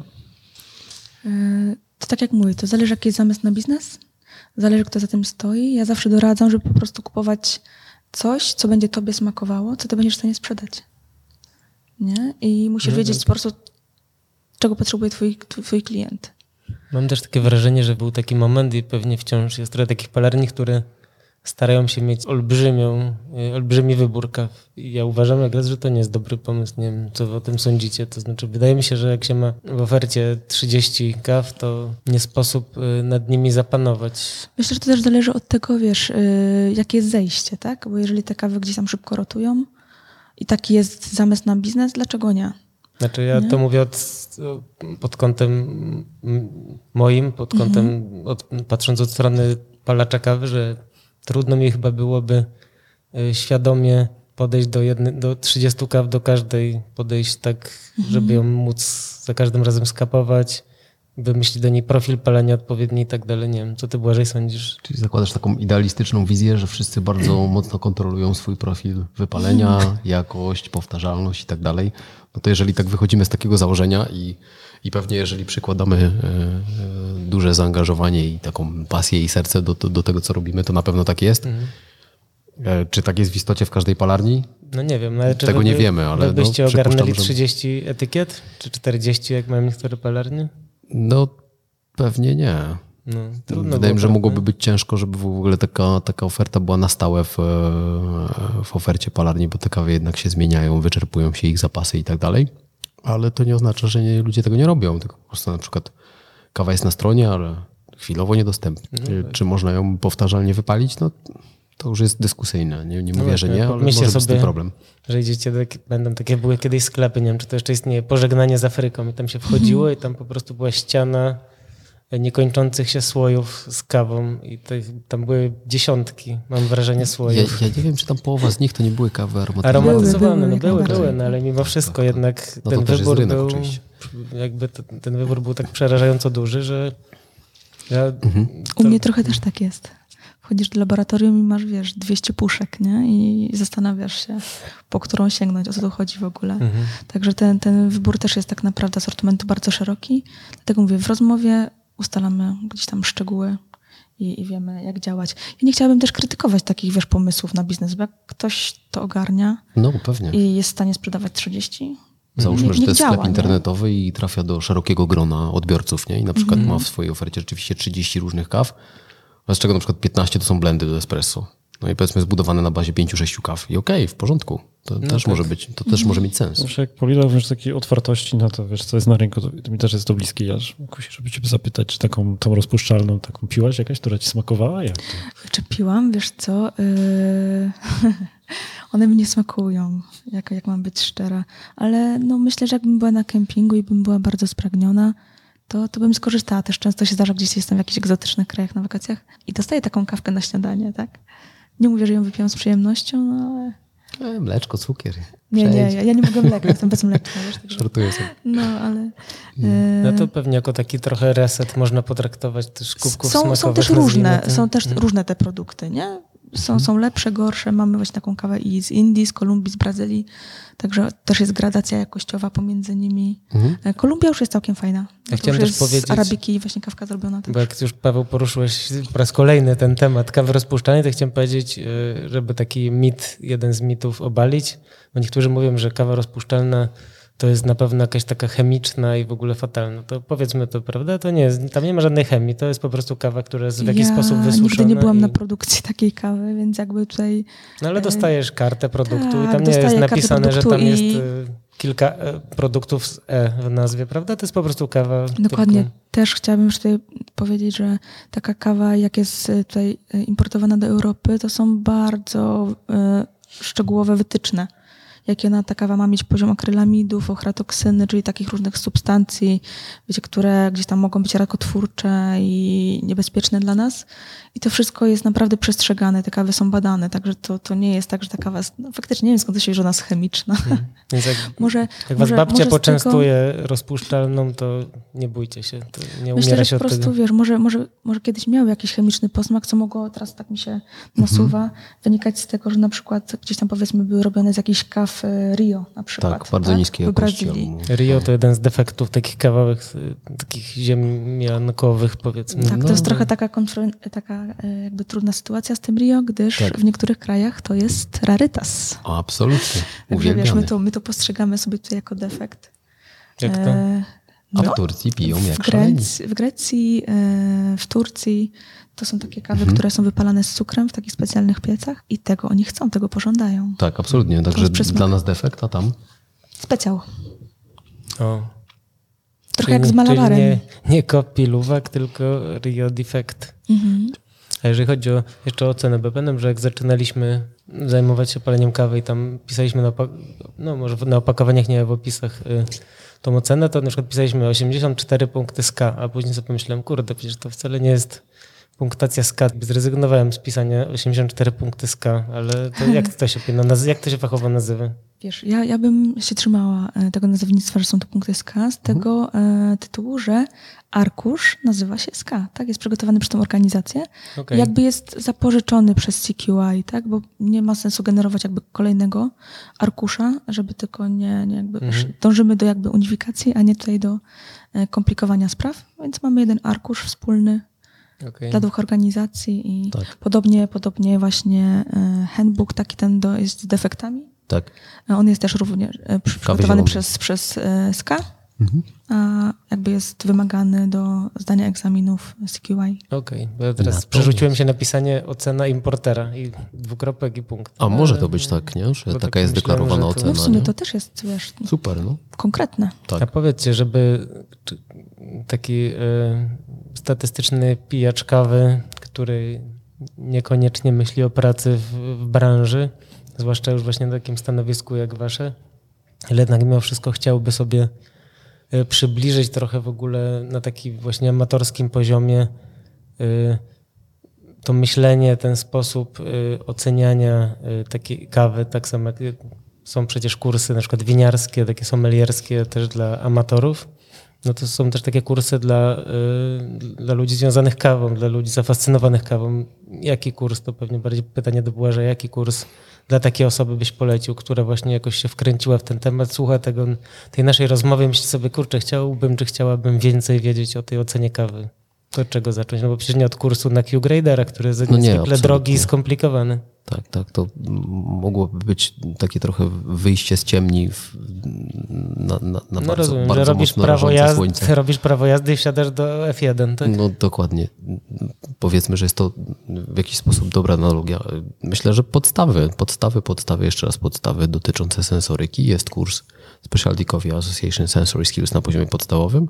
To jest jednodniowy kurs, który właśnie jakby pokazuje na temat tego, pokazuje wszystkie zagadnienia związane z podstawą analizy sensorycznej jako nauki, czy też dziedziny nauki. To brzmi trochę nudno na pierwszy rzut ucha. To, to musimy wiedzieć o tym, że, że, że Ale- kawę oceniamy według jakichś kryteriów naukowych, No a tak, nie, że to jest takie ssane z palca, nie? Analiza sensoryczna to jest mimo wszystko chyba coś fajnego, mimo że tak brzmi... Super uniwersalna, bardzo, bardzo uniwersalna dziedzina e, dotycząca oceny e, sensorycznej generalnie wszystkich produktów, które spożywamy. To tak, może ale być... to, to nie jest taka forma, że wiesz, tylko jakaś wykładowa, nie? Tam robicie doświadczenia, Oczywiście, oczywiście. Jest tam dużo godzin. ćwiczeń. Tak, tak, tak. Jest dużo ćwiczeń. e, Próbujemy sobie wody o różnych smakach, tak. Próbujemy sobie e, roztwory o różnych teksturach, o różnych gęstościach. Próbujemy sobie potem kawy, które mają jakby właśnie różne smaki, różne tekstury. Czyli najpierw robimy taką podbudowę teoretyczną, potem e, robimy sobie taką podbudowę w ramach ćwiczeń e, właśnie na różnych roztworach, nie kawie, żeby później e, po tym przygotowaniu takim bardziej solidnym przejść do oceny kawy, ze szczególnym naciskiem na to, żeby oceniać kawę w jednym czasie w kontekście jednego konkretnego parametru sensorycznego, nazwijmy to w ten sposób, czyli na przykład jakiś atrybut sensoryczny, skupiamy się tylko na tym, czy ta kawa jest bardziej gorzka, czy bardziej kwaśna. Czy ta kawa ma charakter właśnie bardziej owocowy, czy mniej. E, No i jak używać e, wystandaryzowanych procedur oceny kawy, po to, żeby to było usystematyzowane, a nie tak, że ja na przykład właśnie tą samą kawę zaparzę w espresso, w dripie i, i, i we French pressie i stwierdzę, no okej, no mm, znaczy trzy różne kawy zaparzę na trzy różne sposoby i stwierdzę, że się różnią od siebie. No oczywiście, że się będą od siebie różnić. Tylko w tym przypadku nie wynika to z tego, że to są trzy różne kawy, tylko że zostały zaparzone na trzy różne sposoby. Nie? No i to jest takie usystematyzowanie i podstawy tej wiedzy. No myślę, że taki podstawowy kurs jest punktem wyjścia. Nie? Jeżeli sensory skills, y, podstawowy kurs sensory skills, tak? Tak, tak. Tam są takie tak. Fajne ćwiczenia też, Jakie? które bardzo lubię. Z tego co pamiętam jest takie ćwiczenie, gdzie masz e, różne kawy i musisz dopasować ich dominujący charakter. Tak. I uważam, że to jest właśnie bardzo pomocne, jeśli chodzi o taki dobór kaw potem, bo wtedy wiesz na przykład, czy się spodziewać orzechów, czy kwiatów, co tam dominuje, nie? I tam właśnie po prostu masz, wiesz, zakodowane próbki i masz ocenić, czy to jest orzechowa, kwiatowa, owocowa, Mhm. kawka, przyprawowa. Także, także taki kurs też daje bardzo dużo narzędzi cudzysłowiowych do tego, żeby potem samemu sobie to robić w domu, w palarni, No właśnie, no bo to jest też takie fajne ćwiczenie i mi się wydaje, że ono, ono się nie ogranicza tylko do, do kawy, ale może się Absolutnie. można, go, można sobie tak mentalnie robić y, z wieloma produktami. Pewnie Mhm. można iść w sobotę na targ obok domu i kupić sobie na przykład trzy szczepy jabłek, Mhm. trzy, trzy rodzaje jabłek i sobie próbować tak świadomie, nie wiem, po kawałku i zastanawiać się, które jest słodsze, które jest bardziej kwasowe i tak dalej, prawda? Które bardziej kwiatowe. Ja zachęcam, to są super doświadczenia. Tak, tak, tak, To tak. teraz- Zwłaszcza jak świeże owoce są. No. Teraz jak się trochę roz, rozkręcamy, to, to może powiedzmy, już rozmawialiśmy o tym, że zdaje się na jednym z live'ów Sławek Saran rzucił temat, że bariści dużo oglądają YouTube'a, słuchają podcastów, to mogło być o nas. E, I trochę brakuje tej pracy takiej analitycznej, nie? bo ty mówisz, oni często są na tych twoich szkoleniach, nie? tam dostają te narzędzia, E, ale jednak jeszcze sporo wymagań przed nimi, kiedy idą do pracy i parzą dla klienta. Tak, tak. Więc y, co oni powinni robić z tą wiedzą, to trochę tak podrzucimy, że jak są bariści, którzy słuchają podcastu, no to, to trochę za mało, nie? żeby być dobrym w kawie. Czyli co powinni bariści robić w kawiarniach, żeby być lepszym?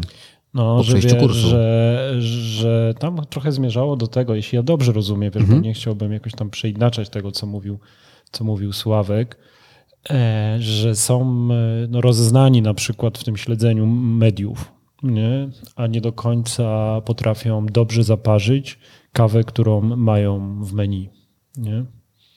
I to trochę zmierza do tego, że za mało uwagi poświęcają wiesz, na analizę, na, na, te, na te elementy, które ty mówisz, które są na szkoleniu. Czyli pewnie dobrze zaparzona kawa wymaga prób, ale też umiejętności wyciągania wniosków.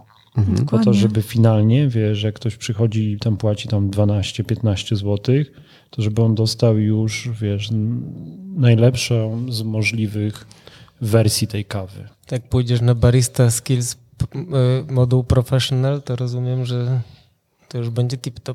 No właśnie Takie jest wydaje, założenie. Że nie, że, Takie że, jest założenie, Że wiesz, że na szkoleniu możesz coś pokazać, nie? I, I ktoś wyjdzie po tym szkoleniu, tylko żeby później na tym pracować, co z tym robić. Znaczy przede wszystkim, Nie, tak sobie tak myślę. mi się wydaje, że, Rozumiem, że że musisz brakuje. wiedzieć, do czego dążysz, tak?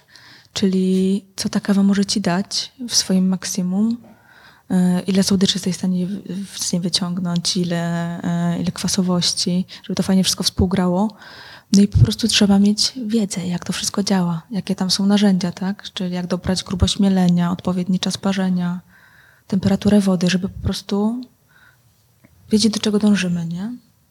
No i w drugą stronę. Na pewno jest też tak, że jest jednak sporo takich, jak w każdej branży, sporo takich mitów, które, z którymi właśnie trzeba się mierzyć i albo można powiedzieć sprawdzam, albo nie wierzyć.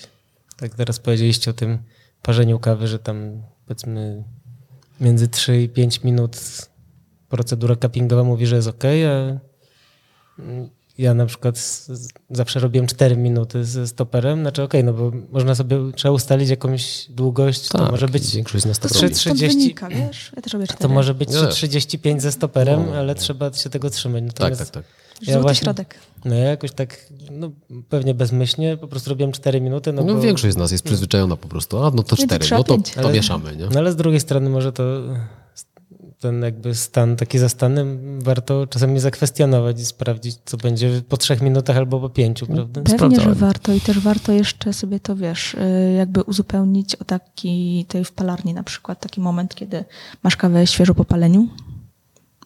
Wiadomo, jakby my doświadczone osoby wiemy, że ona inaczej smakuje dzień po paleniu, inaczej smakuje dwa tygodnie po paleniu, więc wtedy też możesz na przykład sobie dobierać e, czy ta ekstrakcja ma być dłuższa, czy krótsza, tak? Jakbyście mieli doradzić jakąś procedurę właśnie taką parzenia w domu też dla osób, które chcą sobie popróbować, no to już mówiliśmy o tych temperaturach zalewania, o tej dozie, tam 5,5 na, na 100 gramów. Ja jak stosuję 6, no ale to rozumiem, że jak jestem przyzwyczajony, to już mogę zostać, tak? Przy 6? Mogę? No jasne, byleby to było powtarzalne dla ciebie. No tak, no to my robimy zawsze z 12 gramów na 200 ml i tam to 4 minuty, no ale y, zastanawia mnie jeszcze jedna sprawa, która mi się wydaje bardzo istotna, o której nie mówiliśmy, to, to w jakiej temperaturze próbować kawę. Ja jakby próbuję zawsze ciepłą tam po paru minutach i później chłodniejszą, a często jeszcze w temperaturze pokojowej wręcz. Natomiast jakie są wasze zalecenia? No już może nie zalecenia CQI, Sky i innych organizacji, tylko takie wasze dla osób, które chcą po prostu sobie też pomyśleć o kawie i ją popróbować w domu. Tutaj nie ma takich wytycznych co do e, konkretnej temperatury. Po prostu zaleca się, żeby kawa była mm, testowana co najmniej trzy razy, czyli jak jest gorąca, potem taka letnia i, chłodniejsza. Tylko też poniżej tam po prostu temperatury już e, chyba bodajże 20 stopni już tego staramy się nie robić. Chociaż też mówię, zależy co, co oceniamy, tak? Bo jeżeli ja na przykład jestem właścicielem kawiarni i mam świadomość tego, że e, mój klient na przykład się może e, gdzieś tam wdać w rozmowę i będzie tą kawę dopijał jako zimną, no to dla mnie ważne jest też, żeby ten ostatni łyk, który będzie brał zimny, był równie dobry, tak? Czyli w tym momencie pijemy też kawę w takiej chłodnej temperaturze. No, bardzo słusznie. Także to są takie różne rzeczy, które no gdzieś tam A jest jakaś temperatura, jest jakaś temperatura, w której kawa jakby najpełniej smakuje, najwięcej ma w sobie tych aromatów czy smaków może. Hmm. No rozumiem, że oczywiście jak jest za ciepła, to niedobrze, bo niewiele czuć. Jak jest zimna, też nie. Trzeba szukać jakiegoś środka takiego złotego. Jak wy to czujecie? Kiedy, jakie, może inaczej, jakie, w jakiej temperaturze kawy wam najbardziej smakują? Znaczy, wiesz, ja nigdy nie biegam z termometrem i tego nie weryfikuję, więc ciężko mi jest Nie, nie, to ja nie mówię też o e, temperaturze, powiedzieć. cyferkach, tylko takie E, świeżo po parzeniu? Czy... Też zależy od kawy, bo właśnie Okej. nie bez przyczyny sprawdzamy kawę w tych różnych temperaturach. E, Jakby wyznacznikiem dobrej jakości jest to, że kawa jest stabilna w czasie. Tak. No Czyli tak. oczekujemy tego, że ona będzie albo lepsza w czasie, albo przynajmniej tak samo dobra, Mhm. a że na przykład nagle nie pojawią się jakieś niepożądane nuty. Przynajmniej to są takie, mm, powiedzmy, możliwie najlepsze e, kawy, tak mają. Nie? O, No tak, no ja to też właśnie zauważam, że czasem jest tak, że kawa tam po parę minut po złamaniu tego krastu i po oczyszczeniu jest bardzo smaczna, jak trochę ostygnie, nagle się okazuje, że strasznie w dół jakby leci jej jakość, przestaje po prostu mi smakować. To takiej nie kupuj. E, Dobra. co, ja, ja mam wrażenie, że e, u mnie chyba to jest ten drugi łyk tak naprawdę. To pierwsze podejście to ta kawa jest dosyć taka faktycznie gorąca, a z tego co tak obserwuję w praktyce, to ona się po chwili bardziej otwiera ta kawa. Czyli, czyli e, nie wiem, pewnie to jest około 50 stopni. Bo w sumie tak jak są e, Jak zawody, gorąca, zawody to zawsze e, się weryfikuje, czy kawa ma 60 stopni bodajże. Tak, no prawda? powinna być, powinna być poniżej jakiejś konkretnej temperatury po to, żeby się nie poparzyć. No i teraz zazwyczaj jak człowiek słyszy gorąca, to myśli parzy. No, gorąca, czyli w granicach 45-50 stopni to jest taka temperatura, która jest jakby czujemy, że kawa jest gorąca, ona nie parzy, ale jednocześnie te aromaty bardzo intensywnie się unoszą, może być e, właśnie pokazać taką swoją powiedzmy dosyć przyjemną naturę. E, Ja też tutaj polegam, e, polecam ostrożność osobom, które siorbią kawę.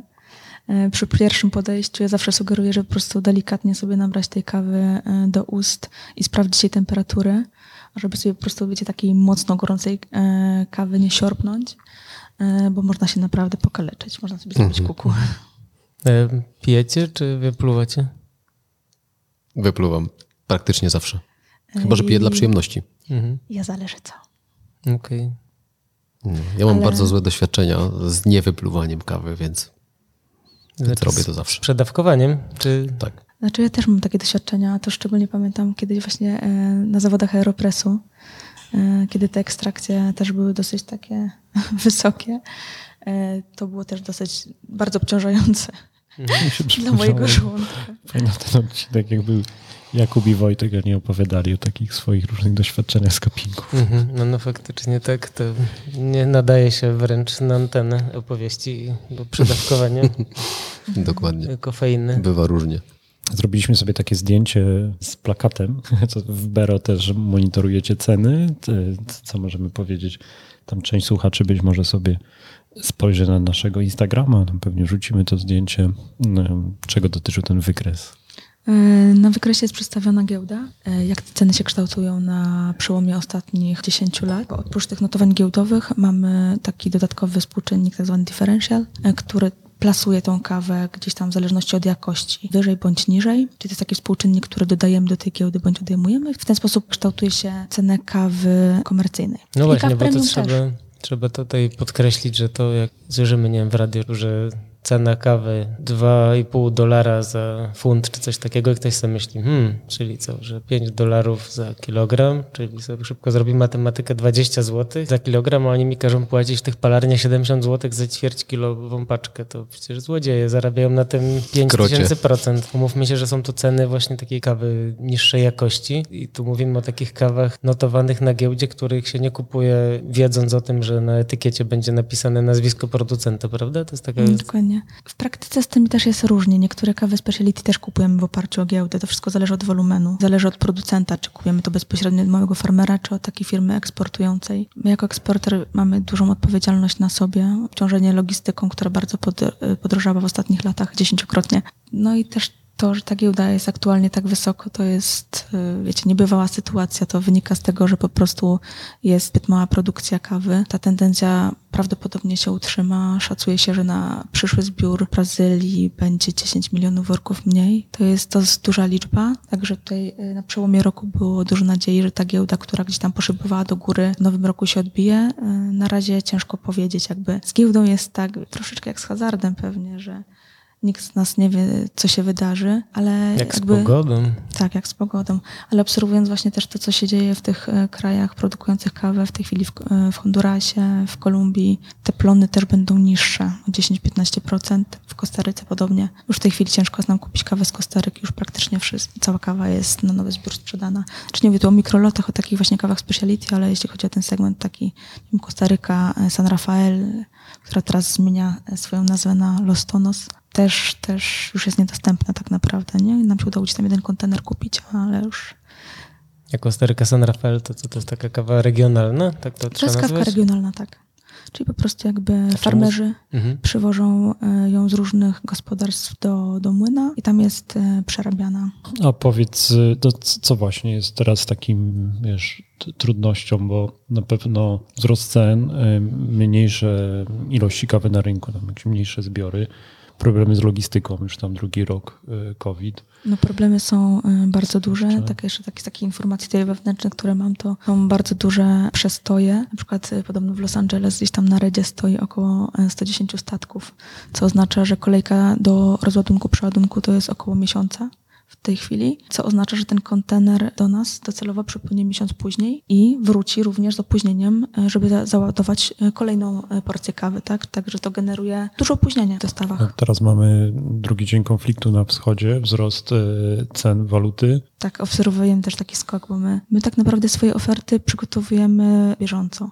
Czyli codziennie sprawdzamy towania giełdowe, kurs walut i tak naprawdę w oparciu o te wytyczne przygotowujemy oferty dla naszych klientów, która gdzieś tam jest ważna dzień, chociaż też nawet nie chcę teraz tutaj gwarantować, że tak jest, bo jeżeli na przykład ta giełda by skoczyła jakoś e, diametralnie, to my też nie będziemy w stanie utrzymać gwarancji takiej ceny, że zawsze jeszcze tą cenę klient musi nam potwierdzić. Co to dla was znaczy, panowie właściciele palarni? No, że tanio nie będzie.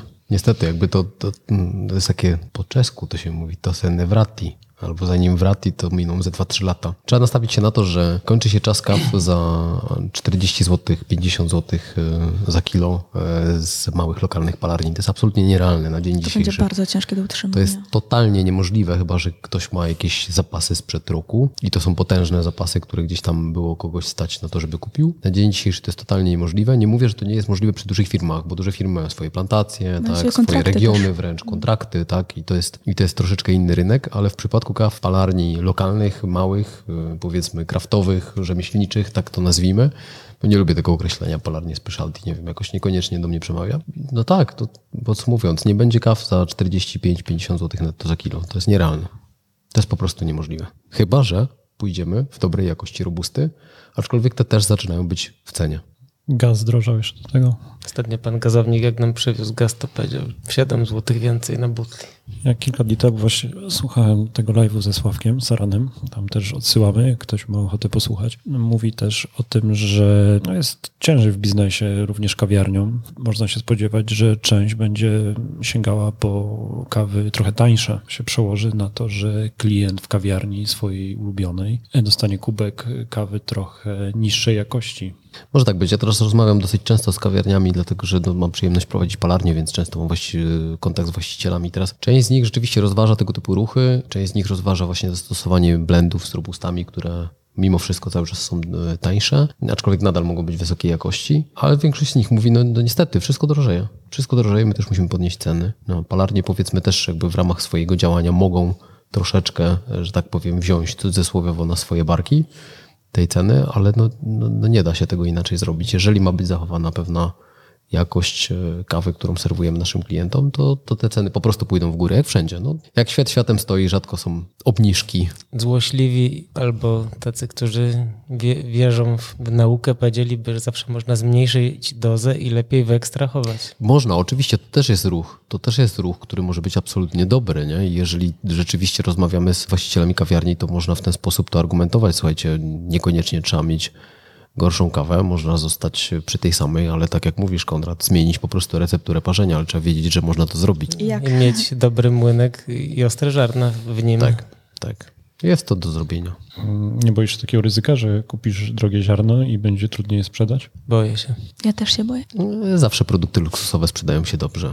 To prawda, ale tak jak na przykład właśnie teraz pojawia się ten e, nowy zbiór z Etiopii w takiej cenie, to jest, wiecie, bardzo ciężko oszacować. Na przykład wiem, ile e, tych mikrolutów sprzedałam w ubiegłym roku, gdzie to był w sumie nasz debiut e, z taką ilością kaw tak wysokiej jakości w grade 1 właśnie. Kupiliśmy prawie kontener takich fajnych kaw. Teraz jest bardzo ciężko ocenić, gdzie na przykład jeżeli ta kawa będzie o 100% droższa, czy nadal wszyscy ją kupią w 100%? takiej ilości. Ja no nie chcę tutaj na razie jeszcze e, nic deklarować, ale, ale no, będą odczuwalnie droższe speciality. Tak, tak, ale to Wiecie, nie, to jest nie, taki też nie problem, tylko, że- nie tylko z, z Etiopii.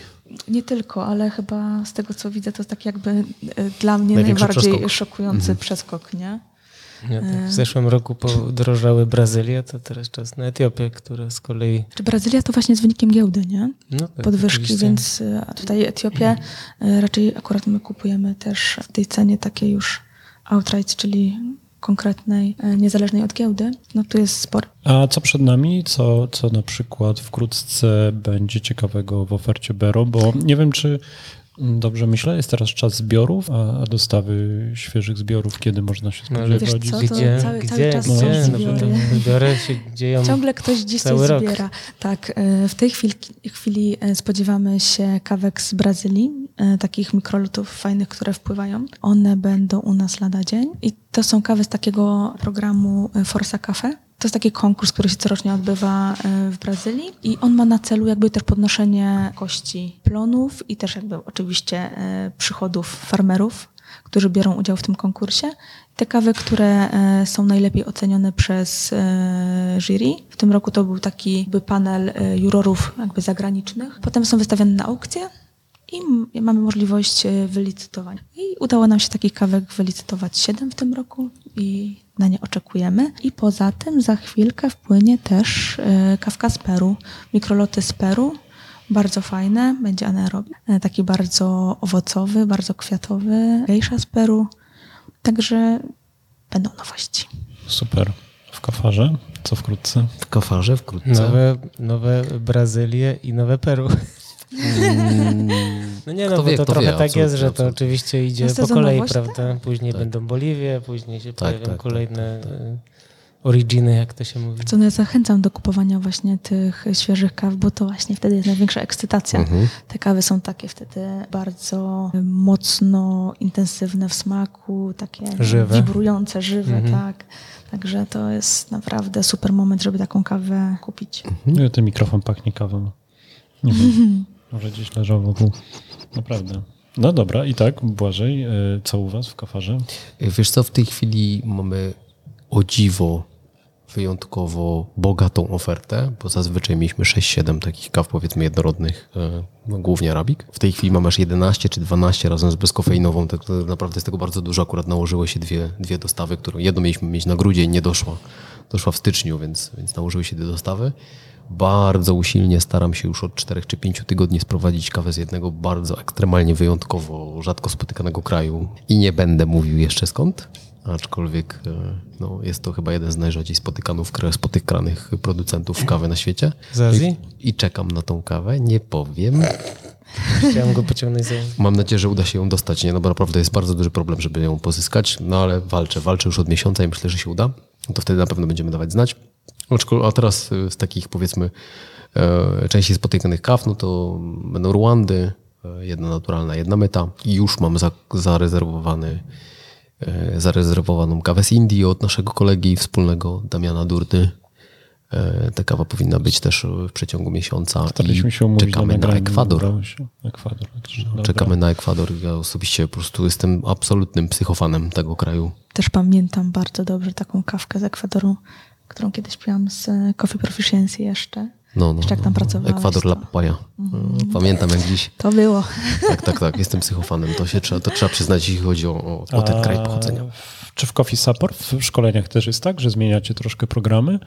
Coś się zmienia? Jest coś nowego? Na pewno musimy je co roku aktualizować, bo taki jest wymóg Specialty Coffee Association. Dostajemy co roku mniej więcej e, nowy e, tak zwany curriculum i aktu- aktualizujemy to. My też od siebie z Martą aktualizujemy o takie zagadnienia, które wydają nam się być ciekawe i wprowadzamy je nawet spoza scenariusza i wytycznych. To jest jedna rzecz na pewno, a druga jest taka, że powoli małymi kroczkami e, zbliża się do tego, żeby, żebyśmy zaczęli, żebym zaczął prowadzić szkolenia z wypalania kawy. Już uprawnienia uzyskałem. Teraz kwestia przygotowania. Mam już kupiony piec, jeden jednokilowy, drugi, drugi jest w drodze, będzie pod koniec marca. E, I mam nadzieję, że w maju będzie to już możliwe, żeby gdzieś tam w połowie maja rozpocząć te kursy. Czyli dzieje się. Dobrze. Tak jest. Fajnie. Bardzo Wam dziękujemy. Y, Życzymy Wam udanego wyjazdu na kurs o konferencję Q-Graderską. Dużo będzie osób? 10 albo 11? Tak. I co będziecie jedli podczas takiej konferencji? Suche pieczywo, tylko i flipsy? Zobaczycie, niespodzianka. Coś przygotowuję jako tak zwany host tego wydarzenia tym razem. Ja zastanawiam, co można jeść, żeby później dobrze się czuło kawę. Neutralne jedzenie, takie, które nie ma dużo przypraw, po prostu jest czymś Tak, jak lekkim. mi, mi jak się zdarza rozgotowany sędziować e, jakieś zawody, to często się posiłkuję jakimiś tam waflami ryżowymi, e, jakimiś kukurydzia, kukurydzianymi produktami, po prostu, żeby coś tam e, zjeść, bo ta kawa jednak Tak, czasami tak, tak. ciąży. Ciąży, ciąży. Mhm. Jak No najbardziej. rozumiem. Fajnie być hostem takiej imprezy. Nie trzeba się wysilać. Jak jest nieprzyprawione, to może powiedzieć, że specjalnie. Bero Polska, gdzie można znaleźć? Co, gdzie, w jakich mediach najlepiej śledzić to, co u was? Bero Polska e, ma swoją stronę internetową, na której jest e, aktualna nasza oferta, aktualizowana w każdy poniedziałek. Także jak ktoś jest Wy umieszczacie zainteresowany. dane z cenami, tak? To tak, dokładnie. wygląda? Mamy to wszystko transparentne, także każdy, każdy może zobaczyć, jak to wygląda. I następnie e, też e, działamy na Instagramie, na Facebooku. Mm. Zapraszamy do kontaktu. Błażej. Coffee Support bardzo fajny. Tam z Martą jesteście i dużo uśmiechniętych ludzi mm, na warsztatach. Tak, tak, tak. E, tak. Teraz trochę- Mhm. głównie Insta Stories, e, bo trochę, trochę przyznaję się szczerze, nie tyle, że nie chcę, co właśnie robimy dużo różnych innych rzeczy dookoła, więc niekoniecznie jakby chciałbym skupiać się na przykład e, prowadząc kurs na tym, żeby wrzucić to na social media, więc na razie takie proste, szybkie wstawki, aczkolwiek szykujemy całkiem ciekawą listę takich postów, które będziemy umieszczać. Mm, Są już w planach, no i tak, będziemy też działać na, na, na Instagramie. No, wydałeś książkę, podręcznik, on chyba bardzo szybko się Tak. wyprzedał. Nie? Teraz mam już drugie wydanie, właśnie Jest już, już przyjechało O, i w przyszłym tygodniu już będzie możliwe do zakupu, ma- max za dwa. E, W kafarze mm, kiedyś częściej nagrywaliście wideo na YouTube, a teraz chyba mniej, nie? Ale też bo jesteście teraz kapują. aktywnie. Tak, tak, tak. Pod, kodujemy podwójnie. Mają tyle Nie, kaw, no, że nie ma czasu. Szczerze powiedziawszy, naprawdę jest tak dużo pracy, że ba- nawet, nawet jakbyśmy chcieli, co nas bardzo cieszy, to no, fizycznie troszkę brakuje e, jakby wolnych przebiegów, aczkolwiek przyjdzie czas. Adam teraz zamiast nagrywać filmy śpiewa kołysanki. Tak, to swoją drogą Poli. Poli. To Śpiewa gratuluję. Córka się urodziła Adamowi, Tak, super. tak, tak. Dziękujemy Wam Dziękujemy bardzo. wam. Dzięki serdeczne za Dzięki śliczne. Dzięki.